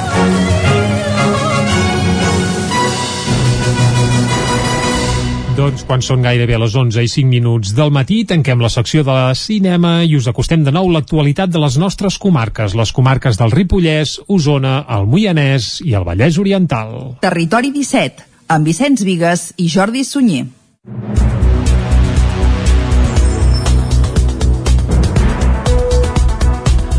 Al llarg de l'última setmana hi ha hagut 37 nous ingressos als centres hospitalaris d'Osona de persones amb PCR positiva i s'han registrat 15 morts per causes relacionades amb la Covid-19. A dia d'avui a l'Hospital Universitari de Vic hi ha hospitalitzades 39 persones amb positiu per coronavirus, de les quals 9 són pacients que requereixen cures intensives. A l'Hospital Universitari de la Santa Creu de Vic, que acull la majoria de pacients geriàtrics i convalescents amb Covid de tot Osona, hi ha 9 pacients ingressats amb resultat positiu positiu, mentre que a l'Hospital Sant Jaume de Manlleu hi ha una persona ingressada amb infecció activa. Després de dues jornades de cribratges massius a Vic, aquest dijous es faran testos a Roda i a Manlleu. A Roda els cribratges tindran lloc al costat del CAP entre les 8 del matí i les 5 de la tarda. A Manlleu també s'habilitarà demà al costat del CAP una carpa per fer-hi els testos de dues del migdia a 7 de la tarda i continuaran divendres de les, qual, de les 9 del matí a les 2 del migdia. Àlex Garrido és l'alcalde de Manlleu es faran aquests tests massius d'antigen oberts a tota la població, ara sí sense cap eh, limitació d'edat i entenem que és positiu que la gent eh, vagi a fer-se aquestes proves perquè són molt ràpides, perquè el resultat és pràcticament immediat i és l'estratègia que estem seguint com a país, no? anar a la recerca del virus abans que aquest aparegui eh, i provoqui doncs, noves onades com les que hem patit en els darrers mesos. Nosaltres rebem les informacions actualitzades cada dia de la incidència de la Covid a, a la comarca i a la Catalunya central i Manlleu portem dies que eh, som els que més estem decreixent en, en incidència. Per tant és una dada molt positiva insisteixo, eh, hem, ara mateix estem a, aquesta setmana a 40 casos en els darrers 7 dies. L'objectiu és detectar el màxim nombre de persones asimptomàtiques per tal de tallar cadenes de transmissió del virus. A Torelló el cribratge es farà el dia 10 de desembre. Es detecta un brot de coronavirus a la Fundació MAP amb 26 positius que es corresponen a 17 residents i 9 treballadors. Isaac Muntades des de la veu de Sant Joan. Després del brot de Covid-19 detectat a l'Hospital de Camp de Bànol, ara ha estat el torn de la Fundació MAP. Després que es detectés algun cas positiu aquest passat cap de setmana a les llars residència i a l'equip de servei de teràpia ocupacional de l'entitat, el Departament de Salut va venir a fer un cribatge a tots els usuaris i treballadors d'aquests serveis el passat dilluns. Els resultats es van donar a conèixer aquest dimecres i ara mateix hi hauria 26 positius detectats dels 90 tests PCR que s'han fet, dels quals 17 són residents i 9 treballadors. En total hi ha 43 residents que utilitzen aquest servei i una plantilla de 41 professionals. Des de la Fundació MAP van destacar que al cap de setmana es va fer la prova PCR a un treballador del servei de teràpia ocupacional que no es trobava bé i també els seus contactes. Només amb aquestes proves es van detectar dos treballadors positius més i tres residents. Evidentment, les persones positives van ser traslladades a la unitat residencial temporal La Floresta del Consorci de Sant Gregori de Girona per facilitar l'aïllament dels companys de pis. Arran d'això es va fer el cribatge a les 84 persones restants, ja que hi ha usuaris atesos a les llars que coincideixen al transport públic o a les zones comunes. De totes maneres, la directora gerent de la Fundació, Armínia Ordeig, va llançar un missatge d'optimisme tenint en compte que que tothom presenta un quadre lleu o asimptomàtic. La bona notícia és que totes les persones estan presentant una simptomatologia molt lleu, no hi ha complicacions de moment i per tant estan tots doncs, aïllats en els seus habitatges i responent molt favorablement. De fet érem conscients no, tots que sabíem que això ens podia passar un dia o altre i ara ens ha passat i d'alguna manera doncs, bueno, millor que ens hagi passat ara perquè de fet estem més ben preparats i també tota l'organització a nivell de sanitat està molt més ben preparada i per tant tenim un recolzament molt bo per part de sanitat, cosa que en la primera onada doncs, era com molt més difícil i ja estava tothom molt més desconcertat. Per tant, bueno, esperem que amb aquest suport de, de sanitat i amb el coneixement que hi ha ara del Covid, doncs que es pugui resoldre el tema el més favorablement possible, segur que sí. Des del Departament de Salut i l'Agència de Salut Pública de Catalunya ja s'està fent seguiment de la situació i de les mesures de control a totes les llars residència conjuntament amb la Fundació MAP. L'EAP de Ripoll i l'ENS del tercer sector vigilen diàriament l'estat de salut dels contagiats. En total, el MAP gestiona el Ripollès un total de 9 pisos en funcions de llar residència amb 43 usuaris i cal destacar que ni la residència ni el suport de servei a la llar ni el centre especial de treball ni l'administració no s'han vist afectades pel brot. Sí que s'ha hagut de tancar per prevenció els centres diurns perquè hi havia algun professional positiu que hi anava, tot i que la majoria han donat negatiu. Com que la situació està força controlada, de moment no es preveuen més cribatges. El nombre d'infraccions pel compliment de les mesures de control de la Covid-19 segueix a la baixa a Caldes de Montbui. Caral Campàs, des d'Ona Codinenca. A Caldes de Montbui, les infraccions ciutadanes respecte a les mesures anticovid han seguit descendint durant el cinquè cap de setmana de confinament perimetral del municipi. Els controls policials constaten un millor compliment de les mesures anticovid. Aquest passat cap de setmana de divendres a dilluns es van dur a terme 22 controls relacionats amb l'ús de la mascareta, les agrupacions de persones i el confinament nocturn i perimetral, tot i que no totes van acabar amb denúncia. Durant aquest període de temps es van controlar 66 vehicles vehicles i 156 persones. En total es van interposar 12 denúncies i d'aquestes 7 van ser per incompliment específic de mesures anticovid com incompliment del toc de queda o mal ús de la mascareta. La resta van ser per consum d'alcohol o drogues a la via pública. Fons de la policia local apunten a la pluja continuada de divendres i dissabte com a fenomen que afavorís el compliment de les mesures de mobilitat. Així doncs, tot i augmentar de 47 vehicles controlats el cap de setmana anterior a 66 aquest últim, la resta de dades es mantenen a la baixa respecte a les altres setmanes. Cal destacar també que aquest primer cap de setmana amb l'obertura del sector de la restauració no hi va haver cap incidència afegida. Els Mossos finalitzen la investigació de l'incendi de Ditexa de Montornès i la lliuren a la Fiscalia de Medi Ambient. David Oladell, de Ràdio Televisió, Cardedeu. Els Mossos d'Esquadra han acabat la investigació policial sobre l'incendi de l'11 de desembre de 2019 a l'empresa Ditexa de Montornès del Vallès, que va comportar l'abocament de residus tòxics al riu Besòs.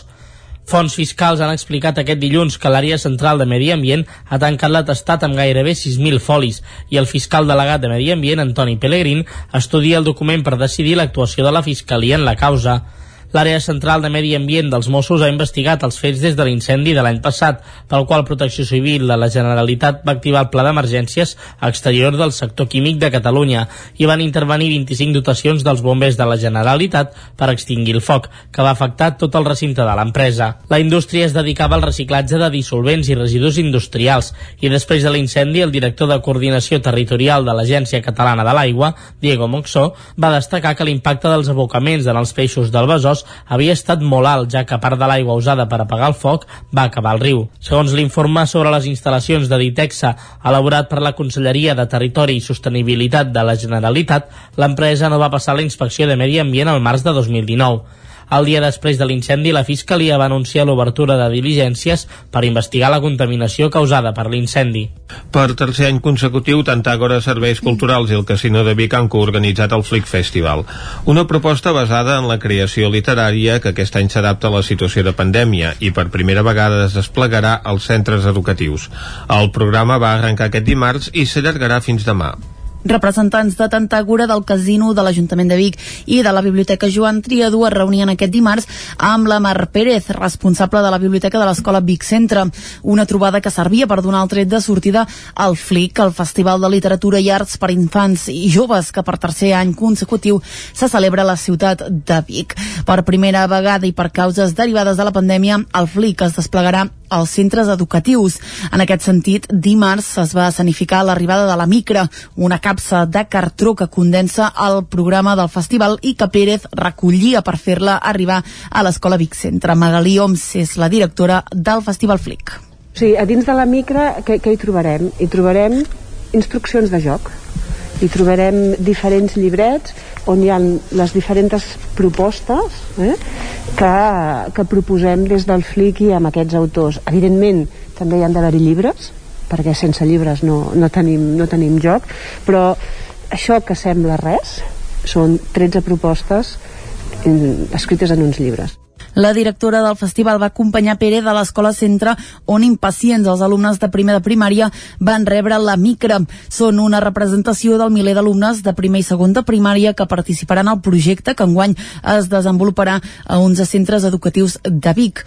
Un any més el festival l'ha coorganitzat el Casino de Vic amb el suport de l'Ajuntament. Sentim per aquest ordre a Jordi Comas del Casino i a Susana Roura, regidora de Cultura de l'Ajuntament de Vic. Hem pogut al final anar quadrant el flic i en lloc del flic anar al casino el flic va a les escoles i així d'aquesta manera doncs, també donem una certa alegria a les escoles. I l'Ajuntament ja porta 6.500 euros entre la regidoria de Cultura i d'Educació.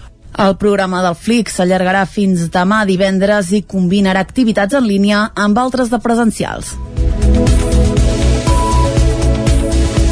I fins aquí el butlletí informatiu de les 11 del matí que us hem ofert amb les veus de Vicenç Vigues, Clàudia Dinarès, David Auladell, Caral Campàs i Isaac Muntades.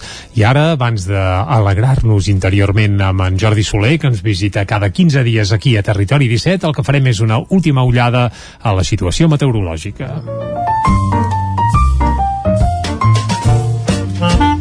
Casa Terradellos us ofereix el temps. I de nou saludem en Pep Acosta en un dia frescot. Pep, molt bon dia. Hola, bon dia. I bona hora. Hi ha hagut poques boires, um, n'hi ha alguna boirina, poder cap a plana de Vic, cap a plana del Vallès, però poca cosa, eh? No, no, no hi ha... No tenim anticicló, tenim aquesta entrada de vents de nord, i això fa que, lògicament, les boires no es puguin uh, aposentar. Continuar bufant el vent de nord, però atenció, cap al migdia eh, pararà. Pararà, tindrem un parell d'ingredients diferents que els d'ahir. Cap al migdia pararà aquesta injecció de vent de nord i els vents giran una mica cap al sud, sud sud-est. Eh, durarà molt poc, una part del dia, i això farà que la temperatura no baixi tan empicat com ahir. Poder les màximes seran un o dos graus més altes. Però es notarà poc. I per què? Es notarà poc yeah. perquè cada vegada hi haurà més núvols, hi ha molts núvols prims, mm, passaran a ser mitjans cap a la tarda, i també durarà poc perquè de cara a la tarda vespre hi tornarà a haver un, una injecció d'aire fred d'un front, d'una perturbació que se'ns acosta. Uh -huh. I uh, aquests dos elements, entre el vent que del, torna a bufar del nord, que vegada hi haurà més núvols, a partir de tarda vespre l'ambient tornarà a ser molt fred.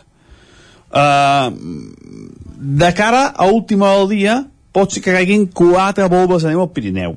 Mm, Si arriben a caure, molt poca cosa. Quan ve de nord, eh, les entrades de vent de nord, d'aire fred de nord i les perturbacions de nord, sempre a més cap al Pirineu Occidental. Per tant, a les nostres comarques la nevada serà bastant testimonial, ja dic, eh? Eh aquesta nit, eh, ha matinada, si és que arriba a caure alguna cosa, si és que arriba a caure, serà tot testimonial. Les nevades sempre a nord afecten més a l'extrem occidental, com deia, del Pirineu. I les temperatures màximes, mm, poder això, un o dos graus més altes que les d'ahir, a pocs jocs superarem els 11-12 graus. Moltes gràcies i fins demà. Adeu. Vinga, moltes gràcies, Pep. Vicenç, uh, un dia frescot. Ara per això ja gairebé no està gelant en lloc, eh? Doncs encara queda una població on ara mateix hi ha temperatures negatives, unes dècimes que hi ha Ah, a sí? Sant Pau de Segúries. Passa, clar, uh, el Ripollès en l'aire sí que hi fa més fred que no pas a, a les planes. Més avall ja potser no, eh? No, ja hem deixat d'estar sota zero, hi ha l'excepció, evidentment, dels observatoris de Ullater i de Núria, aquests doncs continuen ara mateix a 4,5 graus negatius en el cas de l'estació de Set Cases i eh, dos graus i mig negatius en la de Carals per tant aquí sí que encara hi està glaçant però ja s'han aixecat aquestes eh, aquestes glaçades que hi ha hagut en el dia d'avui amb temperatures doncs baixes també en d'altres punts. A Sora i a Rupit que han arribat als 4 graus negatius a Viladrau 3 i mig o 3 graus negatius a l'Esquirol, Olost i Perafita.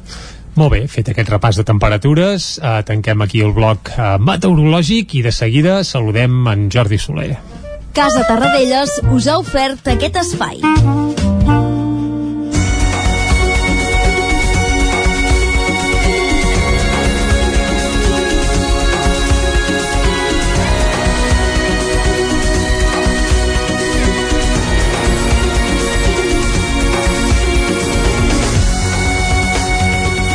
Doncs quan passen 3 minutets d'un quart de 12, saludem en Jordi Soler, que cada 15 dies ens ve a alegrar interiorment, una bona manera també de fer passar el fred, uh, que sobretot fa aquests dies. Molt bon dia, Jordi. Molt bon dia.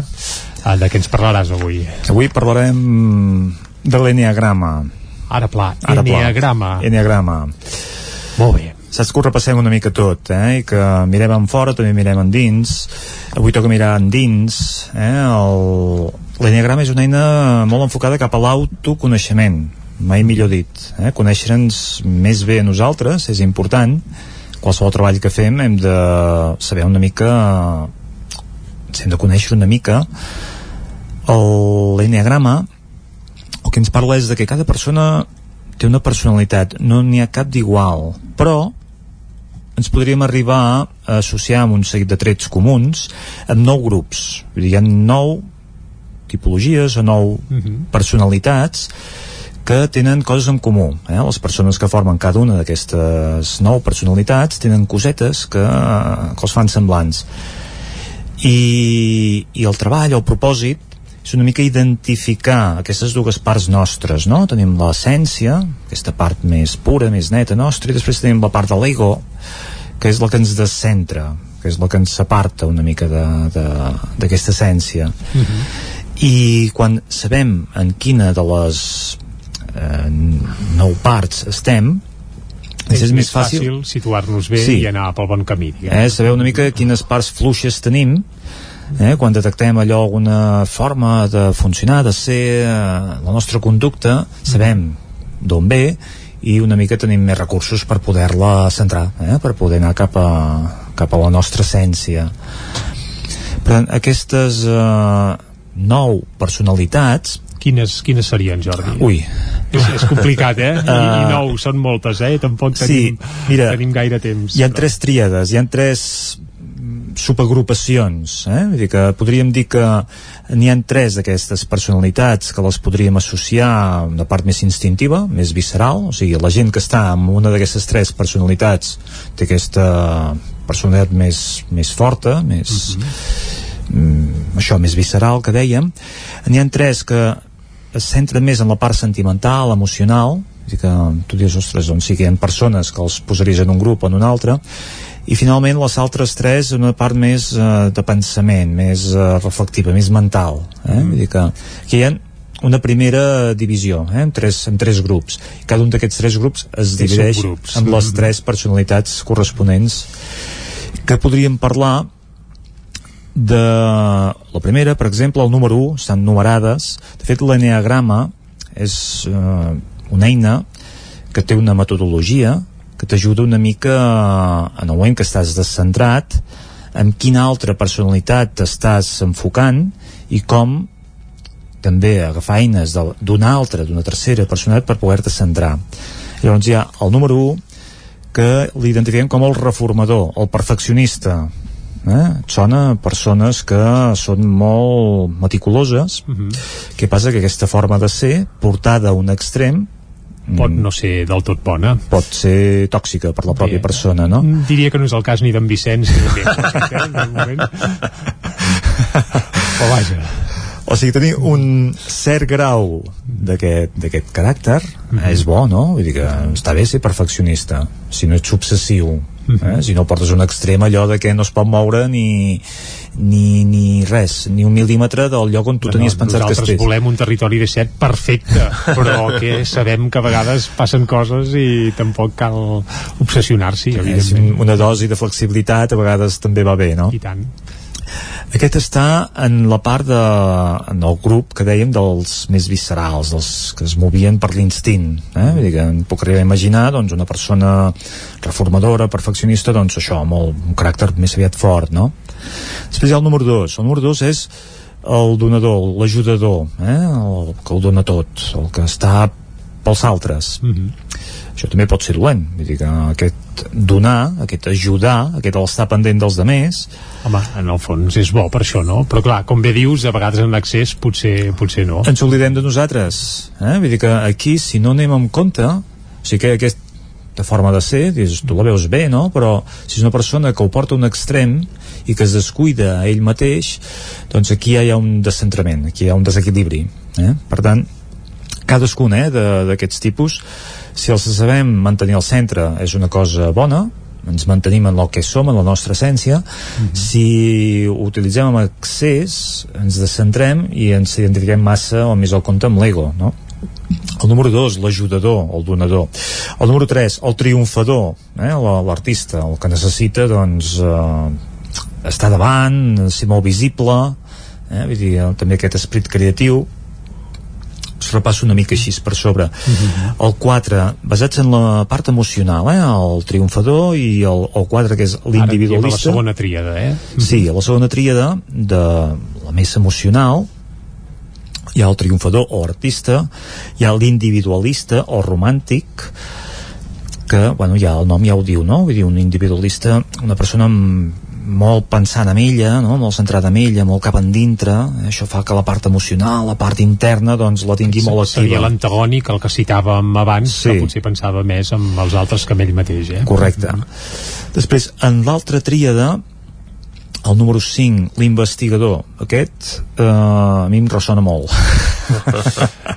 jo dic perquè per saber en quina personalitat estem ubicats, hi ha un treball que es pot fer, hi ha moltes eines, eh? Per internet està farcit de testos que amb unes preguntes tu te, la que et ressona més t'associa eh, amb, amb el teu eneatip, eh? amb el I en el teu cas vas a parar per aquí, eh? l'observador o investigador eh? una persona que en contrapartida, aquesta ànsia d'obtenir, de, d'obtenir coneixement o d'investigar, també et pot aïllar dels altres o et pot no fer decidir donar el pas. Vull dir que estàs sempre buscant, aprenent, llegint i no acabes actuant. Vull dir que compta amb això també, no? Vull dir que tot sent la seva part fosca. Eh? i a vegades quan ho veiem ens, eh, ens cou una mica, no ens agrada però és que perquè realment és una cosa que hem de resoldre seguint eh, el número 6 el lleial eh, la persona que és fidel que, que te'n pots refiar. El número 7 aquests últims eh, centrats en la part mental, eh, en la part de pensament tant l'investigador com el lleial com aquest número 7 que és l'entusiasta doncs eh, estan molt pensant i reflexionant, racionalitzant les coses. El número 8, el desafiador o també el protector, eh? aquesta persona que necessita doncs eh, eh, estar pendent dels altres i, i cuidar els altres. I tenim 15 segons per dir el número 9. I el número 9 és el pacificador, el mediador, eh, el negociador, el que fa d'intermediari, que també és a la part visceral instintiva que, que parlàvem abans al principi eh? el, havíem dit el, el número 1 doncs el 8 i el 9 són els altres dos instintius Jordi, moltes gràcies per visitar-nos una setmana més a Territori 17. T'esperem d'aquí 15 dies. A vosaltres. Salut. Salut. Eh, nosaltres ara fem una pausa i tornem de seguida. El nou FM, la ràdio de casa, al 92.8.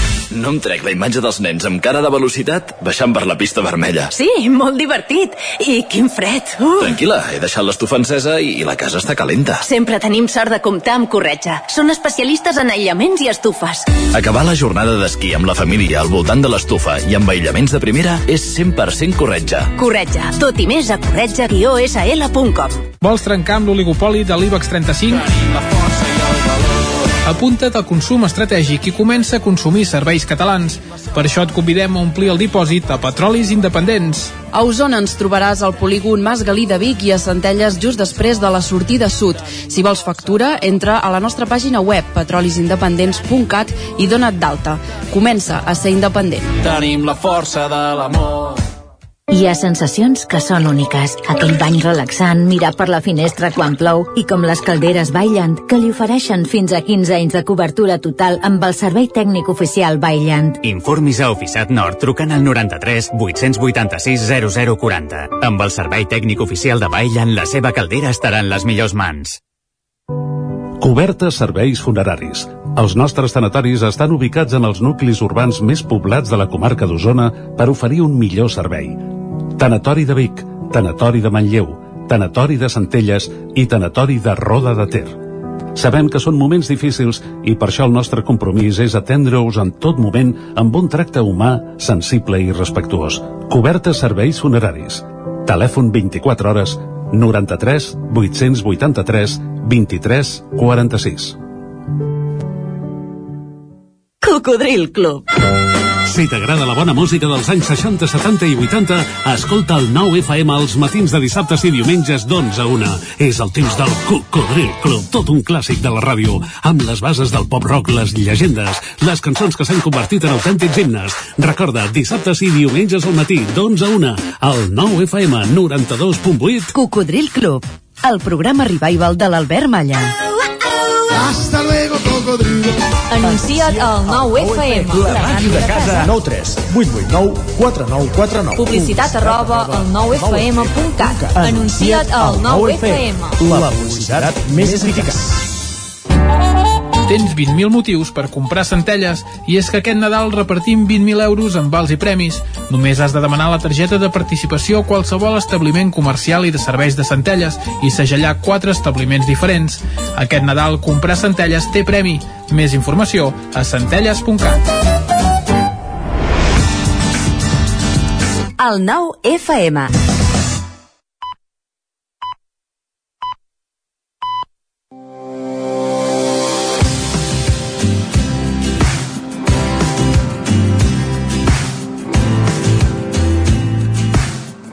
Doncs seguim descobrint la comarca d'Osona i avui comencem amb una passejada en bicicleta elèctrica per Viladrau i el Parc Natural del Montseny.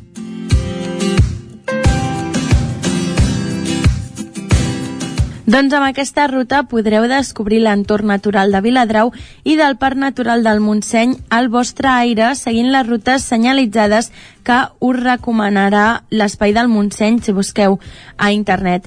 Us podeu deixar fascinar pels colors, les olors i els sons d'un bosc relaxant i uns paisatges únics. Si ho preferiu, podeu gaudir de la sortida acompanyats d'una guia que us ajudarà a descobrir els racons més secrets i sorprenents de l'entorn de Viladrau, així com les seves llegendes. A la guia la podeu trobar disponible en català, en castellà o en anglès. És una oportunitat per gaudir de la natura de l'entorn de Viladrau d'una forma diferent. El tipus de paisatge i de terreny de Viladrau i del Montseny pot dificultar fer les rutes senyalitzades en bicicleta i és per això que us proposen fer-les amb aquestes bicicletes elèctriques de muntanya, que les podeu fer en parella, amb amics o en família i podeu gaudir d'aquestes rutes còmodament sense necessitat de fer grans esforços. A més, amb la possibilitat que una guia local us ajudi a conèixer els elements naturals i culturals més destacats. Doncs una altra de les coses que podeu fer a Osona és visitar el petit poble d'Espinelves, que pertany a la demarcació de Girona. És popular pel seu entorn natural, la seva església romànica i la seva peculiar especialitat en avets de Nadal. Espinelves està situat dins del bosc més gran de Catalunya a la zona del Montseny Guilleries, en plena muntanya i prop del mar. És una zona amb fresques arboredes, aigües netes i aires purs. Una altra de les sortides que podeu fer és per visitar les orquídies del Parc del Castell de Montesquieu. És una sortida botànica per conèixer aquestes orquídies i durant l'itinerari podeu visitar diversos hàbitats per poder observar i gaudir de les singulars formes i colors d'aquestes espectaculars flors. Depenent de l'època de l'any, podreu observar la flor del simi, la ballareda catalana, l'orquídia de la passió i les mosqueres, l'orquis cremat o la flor de l'home penjat. Aprendreu a reconèixer-les, descobrireu algunes de les seves singularitats i relacions amb polinitzadors i les seves principals característiques. En aquestes zones, situada al nord d'Osona, s'hi poden trobar fins a 28 espècies diferents d'orquídies, tot un tresor natural per descobrir. Aquest producte de senderisme botànic està destinat als amants de la natura. És una activitat física de baixa intensitat i està dirigida per a grups reduïts, que us permetrà gaudir, observar i conèixer un recurs propi de l'espai natural. La singularitat del producte és poder observar, gaudir i conèixer i al mateix temps aprendre sobre unes de les flors més boniques i espectaculars que podeu trobar a l'espai natural del Parc del Castell de Montesquieu.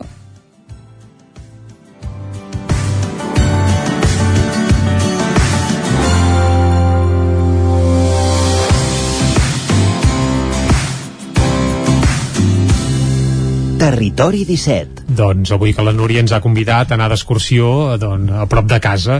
I tant. A prop de casa, però recordem que aquest cap de setmana, almenys fins diumenge, no podem anar gaire lluny de casa, perquè continua el confinament municipal de cap de setmana. La gent que fa pont i palanca ja veurem dilluns i dimarts si s'acaba passant de fase o no. Després sí que en principi, dimarts, que és festiu, es mm. podria anar a algun lloc de la teva comarca. Els de, de Sant Quirze sí que poden anar al parc de Montesquieu tot xinoxant sí, a peu sí, a veure a aquestes peu, orquídies. A, a peu es pot anar tranquil·lament, on faci falta. Fins i tot es podria anar a l'estació a peu, a les estacions per pescar algun tren uh Mhm. -huh. i, i veure com surt el sol a Trenc d'Alba, no? Doncs va. Va, ens hi capbussem, doncs anem cap a la Trenc d'Alba. A Tren d'Alba. Cada dia els usuaris de la línia R3 de Rodalies que veuen sortir el sol des d'un vagó ens expliquen les gràcies i les penes del primer comboi que uneix Ripoll i Barcelona. Benvinguts a Tren d'Alba. Doncs bé, sembla que de tant en tant els nostres antics cronistes poden agafar el tren encara que no sigui per anar a treballar i les seves queixes més o menys continuen essent les mateixes. Per exemple, en David Vinyoles ens deia que a l'estació de Centelles hi havia un tren semidirecte aturat que no obria les portes. En David es queixava del fet que a la zona 5 no hi ha parada de semidirectes i és totalment necessari. A més, li feia ràbia que paressin i no obrissin les portes perquè hi entrés la gent. Són d'aquelles coses incomprensibles, però bé, ja se sap com és Renfe, però és que la nostra estimada Montseuran també es va queixar d'un tren de l'R3 en direcció a Ripoll que anava sense megafonia. I és clar, heu de recordar que la Montse és invident. Per tant, si ningú l'avisa que ve el tren, no es pot acostar a la via per pujar-hi. Segurament no se n'assabenta fins que el sent xiular o algú li diu que està a punt d'arribar. Va, ens retrobem demà i recordeu que ja portem un retard acumulat de 6 hores i 46 minuts des de l'inici d'aquest mes de setembre. Territori 17. El racó de pensar, a Territori 17. Doncs després de passar per la R3 arriba el moment d'anar al racó de pensar. Vicenç, on com sempre ens hi espera La Maria López. Doncs vinga, uh, saludem la Maria, li diem molt bon dia, bon dia, Bon dia, Maria. Maria. Bon dia des de Cardedeu. Bon dia, és bon dia. dijous 3 de desembre Sí. i no sé vosaltres, però el meu Instagram últimament sembla un concurs de calendaris d'advent. El mig confinament aquest estrany ens ha fet més artistes que mai i cada cop ens ho correm més, això. Però, al cap i a la fi, aquest calendari el que fa és avisar-nos de que ja estem en el compte enrere de les temudes o desitjades festes de Nadal.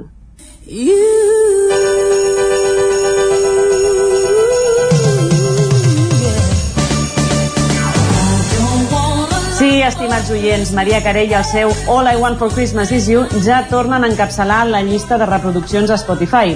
Carai. Estem a 22 dies del Nadal, segurament el Nadal més rarot de les nostres vides. La pandèmia que ens va fer confinar-nos al mes de març i que pensàvem que per aquestes dates ja ens hauria abandonat, segueix aquí, indestructible i marejant la perdiu entre el que podem i no podem fer. I d'aquesta guisa arriben les festes, dubtant sobre l'hora del toc de queda, sobre quants ens podrem ajuntar a la taula i aprofitant també per escaquejar-nos una mica d'aquells compromisos que sempre ens feien una miqueta més de pal, perquè el Covid també ens ha donat una mica de marge de maniobra social, però també fent sudokus per organitzar les quedades amb la gent que més estimem i que volem veure en aquestes dates. Aquest any, fins i tot l'estrès nadalenc s'ha enrarit. I nosaltres volem parlar d'això, de què ens espera, de com afrontar aquest Nadal amb Covid i aquest compte enrere cap al nou estrès. Per això avui comptem amb els meus tertulians predilectes. D'una banda tenim a l'Ester Talaia, bi- bimara, coach i experta en resolució de conflictes, que avui ens donarà una mica de consells sobre com fer front a aquest estrès estrany que suposen les festes covidianes. Bon dia, Esther. Bon dia, Maria. I ens acompanya també en Juanjo Fernández Solà. Ell ha estat professor i ara és escriptor, formador i conferenciant per a famílies, escoles i empreses. Col·labora a l'Ara Criatures, al Revolució 4.0 de TV3, fent il·lustracions, i aquí, a Ràdio Cardedeu. I avui ens porta un calendari d'advent per ser escoltat molt especial. Bon dia, Juanjo. Bon dia. A veure, després d'aquest calendari que em tens com superintrigada, a veure com farem un calendari d'advent escoltat. Comencem, però, amb l'Ester, perquè,Ester, estem ja amb el compte enrere. Normalment les festes de Nadal les veiem allò com, com una muntanya de- d'estrès de, i ens les agafem amb mig ganes, perquè tenim ganes, en el fons, de trobar-nos i retrobar-nos amb, amb segons quines persones, però també com ja esgotats abans de començar per organitzar els dinars, els regals i tota aquesta història. Però aquest any, a més a més, tot com una mica més enrarit.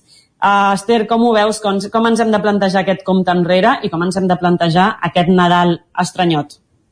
Sí, jo crec que evidentment serà un, un Nadal molt, molt diferent, molt estrany, i, i una cosa diferent a cada any és que entrem ja amb un estrès, no? Veníem ja d'una temporada una mica estressats per, per tot el que, el que vindrà, el que no sabem que vindrà, no? tot lo incontrolat, no sabrem si avui surto, demà no sortiré, eh, però sí que hi ha unes coses que són comuns a, a cada any, no? I què és, què és el que normalment ens estressa tant del Nadal, no? Jo crec que, per una banda, tots aquells compromisos socials i familiars ens, ens agobien molt, no? En, gene- en general, eh? L'altra cosa són les compres, l'altra cosa no és planificar pues, totes les taules, el control de les despeses que tindrem al Nadal, no? I aquest any, com amb tot aquest tema del Covid, pues jo crec que és un any com per aprofitar i desempallegar-nos de, de tots aquells eh, eh, eh, temes que ho fèiem com amb molta obligació, no? Jo, el, el meu consell és que és un bon any per fer les coses diferents, no? Per totes aquelles dinàmiques que tenien generades eh, familiarment, històricament i, no? i socialment, aprofitar fer-ho diferent. I per una banda jo diria, no? tot el que són els compromisos, eh, doncs el Covid ens està obligant a reduir-nos en un número molt petit de gent, no? o, o com a mínim un número controlat. Uh, això és una molt bona oportunitat per dir realment amb qui vull passar el Nadal, no? Si som sis, som sis, si som vuit, som vuit, però aprofitar per, per fer el Nadal més lleuger i, i, i no, I, i com, no sé com el passareu vosaltres, eh, aquest Nadal. Per mi, la veritat és que és un Nadal molt diferent en, en molts aspectes, però hi ha una part que em dona com molta tranquil·litat, no? perquè és un any per permetre'm fer coses diferents. Jo no, convido a tothom a, a aquesta expectativa que sempre tenim, aquest any pot ser diferent, no? Uh, tot aquest tema de, de compres, doncs bueno, amb la dinàmica de, del Covid, ja venim bastant d'aquesta compra per internet, d'aquest abús a Amazon, doncs bueno, no? ja podem començar a planificar doncs, el que veníem fent, no? comprar sense tant estrès d'agòbios, d'aglomeracions, de gent i, I bueno, jo crec que una mica això, pues, el deixar-se anar i fer les coses diferents, no? I donar-se compte que les dinàmiques es poden canviar en qualsevol moment. En qualsevol moment podem implantar hàbits i dinàmiques tant personals com familiars, no? I per mi aquest Nadal és un bon Nadal per experimentar amb això, no? Amb què passa si baixem l'expectativa, què passa si fem les coses diferents i què passa si ens reunim uh, d'una manera diferent, no? En definitiva no passa, no passa res, no? Desenvolupem la capacitat d'adaptació, crec que això és bo, no? Ja venim d'una temporada d'haver-nos eh, reinventat a molts nivells i, i per mi és una... Seguim amb aquesta, amb aquesta adaptació a, a lo nou i si les escoles són noves, si les feines són noves, com no, els Nadals han de ser nous o diferents, no? Però no per això són pitjors, vull dir que es tracta de donar-li la volta i de no tenir aquella sensació de que perdem pel camí, sinó també tenir aquesta capacitat d'innovar i de fer les coses diferents, no? Esther, has dit coses molt interessants, una d'elles apuntava jo també amb la, amb la petita introducció, que és precisament que, que aquesta pandèmia o que les normes que ens han suposat la, la pandèmia en realitat ens han donat com una mena de comodí social que ens permet treure'l segons ens interessa més o ens interessa menys. O sigui, resumint, i crec que no només Nadal, jo crec que serà l'exemple més clar, però fins ara, eh, d'alguna manera, aquelles situacions socials que se'ns feien una mica, que no ens venien tant de gust, per si dir-ho, és com que ara tenim una excusa que tothom comprèn, que no és una excusa, en el fons, no deixes d'estar, doncs, això, no? És, és una situació però és una, una, un raonament eh, que donem segons per quines trobades, perquè jo crec que una trobada que et ve molt de gust, eh, amb poca gent, segurament la faràs, si a més a més doncs, es permet i tal, però la mateixa situació, si no et ve tant de gust, és molt possible que facis servir aquell de, bueno, és que amb tot això de la pandèmia m'estimo més no, uh, no, evitar aquestes situacions, no? Uh, D'alguna manera, és com una, que la situació ens ha donat una, una carta, un comodí, que, que podem anar traient si ens interessa o no. Jo crec que el Nadal és com la, la posada en escena més general de quines coses realment ens venen de gust i quines no. Després ens costarà, quan ens desconfinin, haver d'acceptar trobades socials que ja ens havíem una mica tret de sobre, eh? però realment ens toca preguntar-nos, no? una mica és el que plantejaves, què em ve de gust de veritat i què no? És una gran oportunitat per connectar amb nosaltres des d'un de, des altre, no? des d'un altre vessant que la vida moltes vegades no ens deixa, no? I ara, com tu dius, eh, és l'excusa, però també jo crec que és un, una, una, un gran portal a fer realment aquelles coses que ens aporten i que ens fan il·lusió, que les fem perquè ens fan il·lusió, no? podem ser més creatius i, i donar-li la volta al Nadal, sí.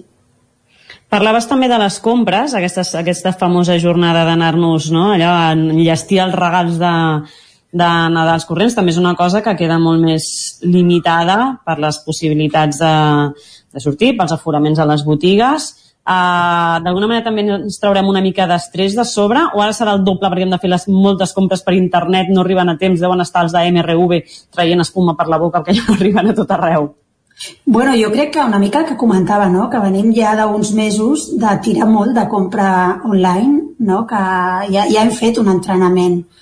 Per tant, no és molt diferent de moltes de les coses que eh, jo veig on jo visc, jo veig que al cap de setmana els repartidors no deixen de repartir paquets. Eh, llavors vol dir que la gent ja, ja s'ha començat a acostumar a, a comprar d'una manera diferent. No?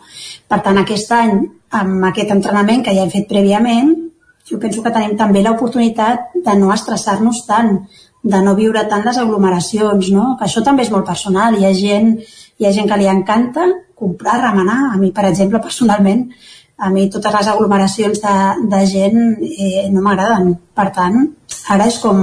No, no, és que està, està bé, no?, fer-ho d'una manera diferent.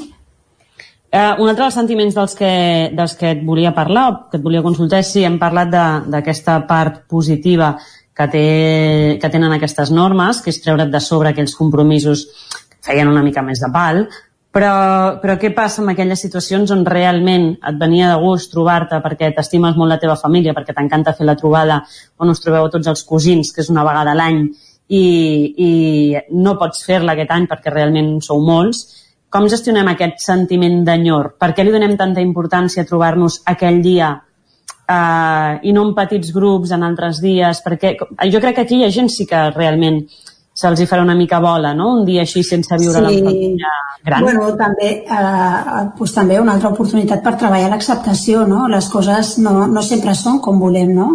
I acceptar que aquesta situació que estem vivint passarà i que no cal específicament que sigui Nadal per fer aquestes trobades que ens fan tantíssima il·lusió, no? O, o aquestes trobades que te les agendes pel Nadal i ja saps que el Nadal següent són trobades que et fan il·lusió i tornaran a ser, no?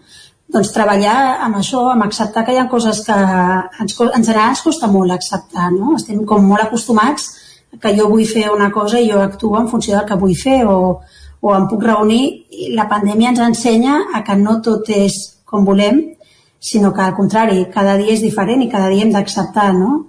Uh, doncs ser creatius, no? donar-nos compte que afortunadament tenim les, no? tota, tota aquesta eh, manera de comunicar-nos a través de xarxes socials, aquestes videoconferències, que, que quan, quan, et vas, quan vas entrant i et vas acostumant et dones compte, no? jo a nivell professional, per exemple, uh, utilitzo molt no? la pantalla i, i a base de... Som animals de costums, a base d'utilitzar la pantalla arribes quasi a normalitzar una situació que evidentment una abraçada sempre és una abraçada, però quina sort que ens puguem veure les cares, no?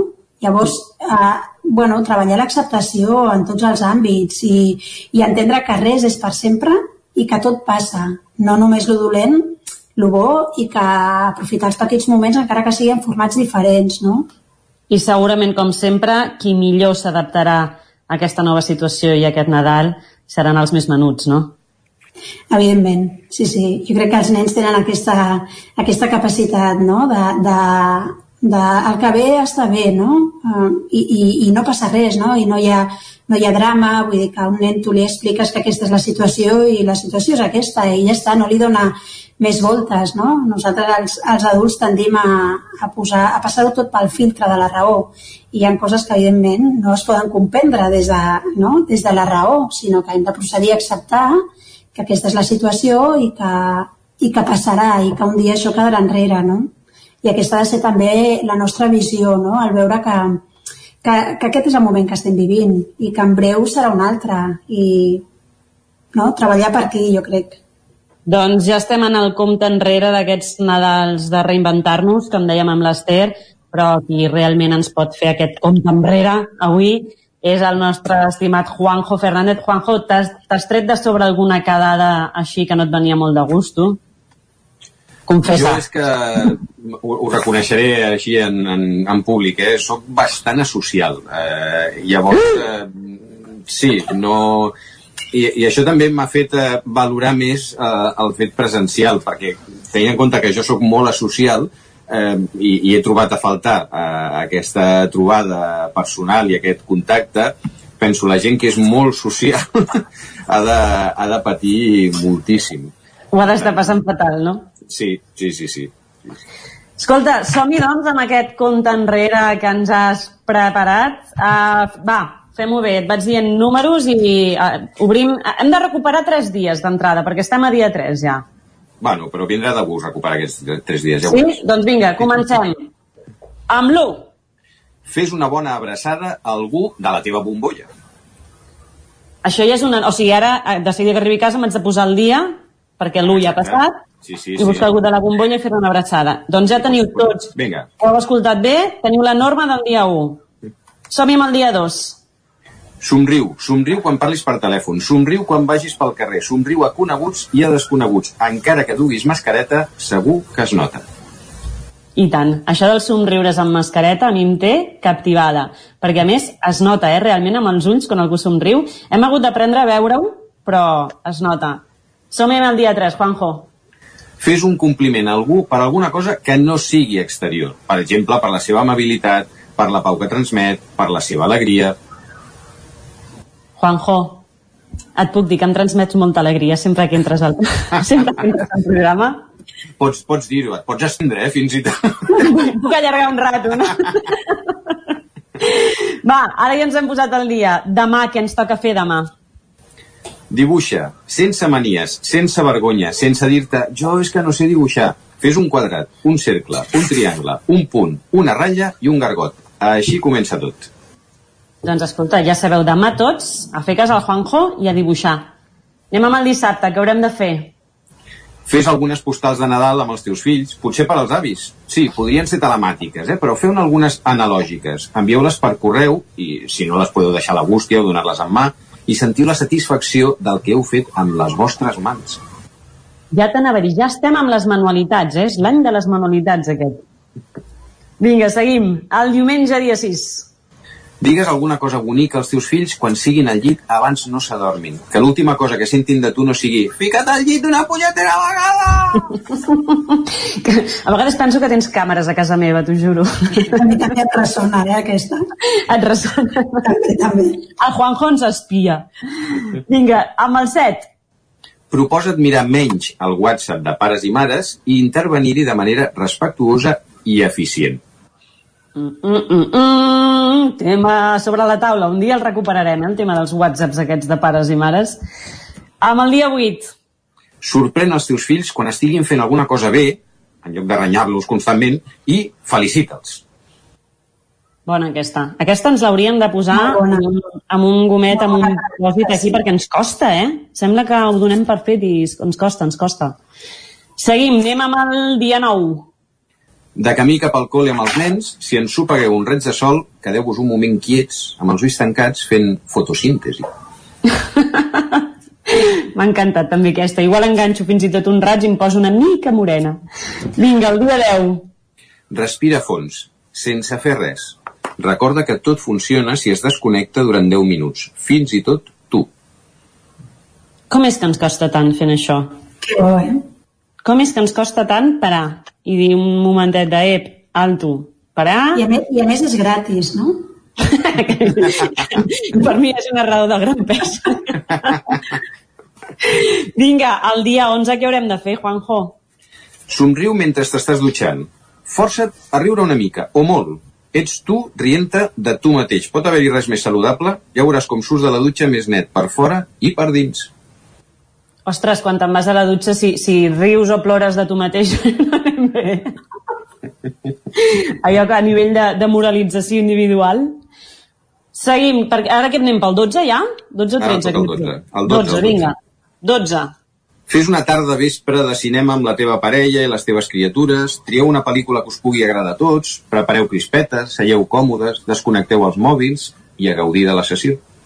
A veure, això quin dia cau? Quan és el dia 13? Va, el és 12, el diumenge, 12. anem bé, va, va, si és un diumenge, ens ho podem, ens ho podem permetre, això. M'ha agradat. Has, eh, jo, tu has mirat això, les propostes, si queien en festiu o... No, la veritat és que no, però mira, sí, Bueno, coincideix. Ja està coordinat, eh? ell ja està coordinat. I si Ja no, està. si no t'has de sentir lliure de, de repetir-ne una que t'ha agradat molt, eh, o de saltar-te alguna que no t'agrada gens, també. És que el Juanjo ve amb la fotosíntesi feta, ja, de casa. Som-hi el dilluns 14, què haurem de fer? No, tenim el 13 ara, eh? El 13? Ah, jo pensava que la, la pel·li era el 13, val. Doncs què No, fem no. el 13? Fes-li mimitos a la teva parella o un massatge sense esperar res a canvi, de gratis. Ei, espero que no t'hagis sentit, eh? Perquè si no el dia 13... Esther, ens estaran reclamant, eh, el dia 13. No, no ens trucarem ningú, no ens trucarem ningú perquè ja sabrem què estarem fent, eh? Exacte.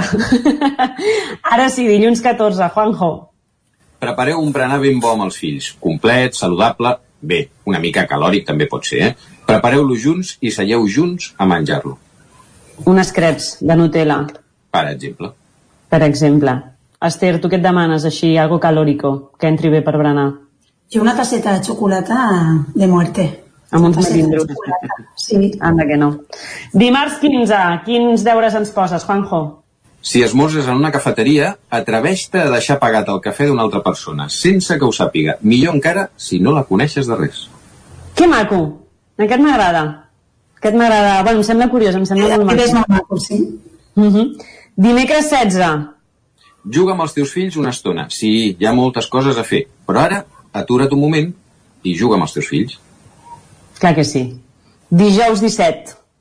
Abans de dormir, fes una llista mental o escrita, com vulguis, de motius per sentir-te agraït i dorm ben a gust. Hmm. Aquest me l'hauré d'apuntar. O sigui, jo perquè no se m'oblidi, eh? El dia 17, asterisco. El podem fer, eh? hem de fer aquest calendari en versió escrita, per tenir-ho així ben a mà i que no se'ns oblidi. Divendres 18, oi? Estem? Sí. Explica un, divuit. con explica un conte als teus fills. Sí, encara que siguin grans. Veuràs com els agrada. A veure, a veure, voldria veure la cara que fa el, el meu fill gran si dic, vaig a explicar-te un conte. Ja només, eh, només per la cara ja em valdria la pena allò. Val la pena només per això, no? Pot passar Exacte. una cosa. Pot passar que es queixi i després, quan, si ho ho fas un dia, dos dies, i un, un dia no ho fas, et diu, fa temps que no m'expliques un conte. També pot ser. Dissabte 19. Canta a la dutxa, al cotxe, a casa, canta la cançó de l'estiu o aquella nadalenca que no et treus del cap. Qui canta, els seus mals espanta. Aquí hem deixat un exemple de Maria Carey, que aquells dies estarà sonant molt, ja us ho dic. Diumenge 20. Porta, mira, veus, aquesta no, no quadra, però ja serveix. Porta un parell de paraigües baratets a la feina i deixa'ls allà perquè els pugui fer servir qui vulgui, quan plogui i no n'hagi importat. Mira, jo diumenge 20 treballo, o sigui que t'agafo la... t'agafo la. Dilluns 21. Mira't les fotos que tens per casa com si fos la primera vegada que les veus. Ai, que maco. Dimarts 22, que ens apropem. Agafa aquell llibre que vols llegir des de fa mesos i llegeix una estona. Sí, atura-ho tot i llegeix una estona. M'agrada perquè Juanjo és com que ens obliga de tant en tant a fer aquesta aturadeta, eh? que, que no sé, que ens costa molt. Dimecres 23, que ja arribem al final. Descobreix on pots ajudar i com, i fes-ho. Campanyes de Nadal, voluntariat en una protectora d'animals, micromecenatges, embolicar regals... Pensa en els altres i anima els teus fills a fer-ho també. La proposta solidària d'aquest calendari, dijous 24. Acaba el 24 o acaba el 25, el calendari? El 24, aquest acaba el 24. Doncs vinga, l'última proposta, dijous 24. Digues bon Nadal als que estimes. Si no els ho pots dir directament, truca'ls. Si no pots trucar-los, envia'ls un missatge. Sigui com sigui, fes-los arribar joia, que sàpiguen que estàs molt contenta de formar part de les seves vides i que formin part de la teva. Bon Nadal! Doncs ja sabeu, oients que esteu a l'altra banda, tenim un calendari preciós per fer durant tot aquest desembre, que ens arriba de la mà del Juanjo i que segur que ens fa sentir almenys una miqueta millor a tots. I amb aquesta música que ens arriba de fons, hem arribat al final del racó de pensar d'avui. Gràcies, Esther, gràcies, Juanjo, que ja sou de la casa. Moltíssimes gràcies, ha sigut un plaer comptar un dijous més amb vosaltres. Companys de Vic, jo de seguida us torno ja al relleu, però abans deixeu-me recordar que tornarem dijous vinent a ser aquí amb un nou tema i una nova tertúlia Made in Racó de Pensar.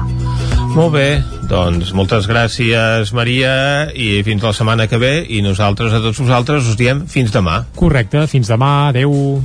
Territori 17, un magazín del nou FM. La veu de Sant Joan, Ona Codinenca i Ràdio Cardedeu amb el suport de la xarxa. El nou FM.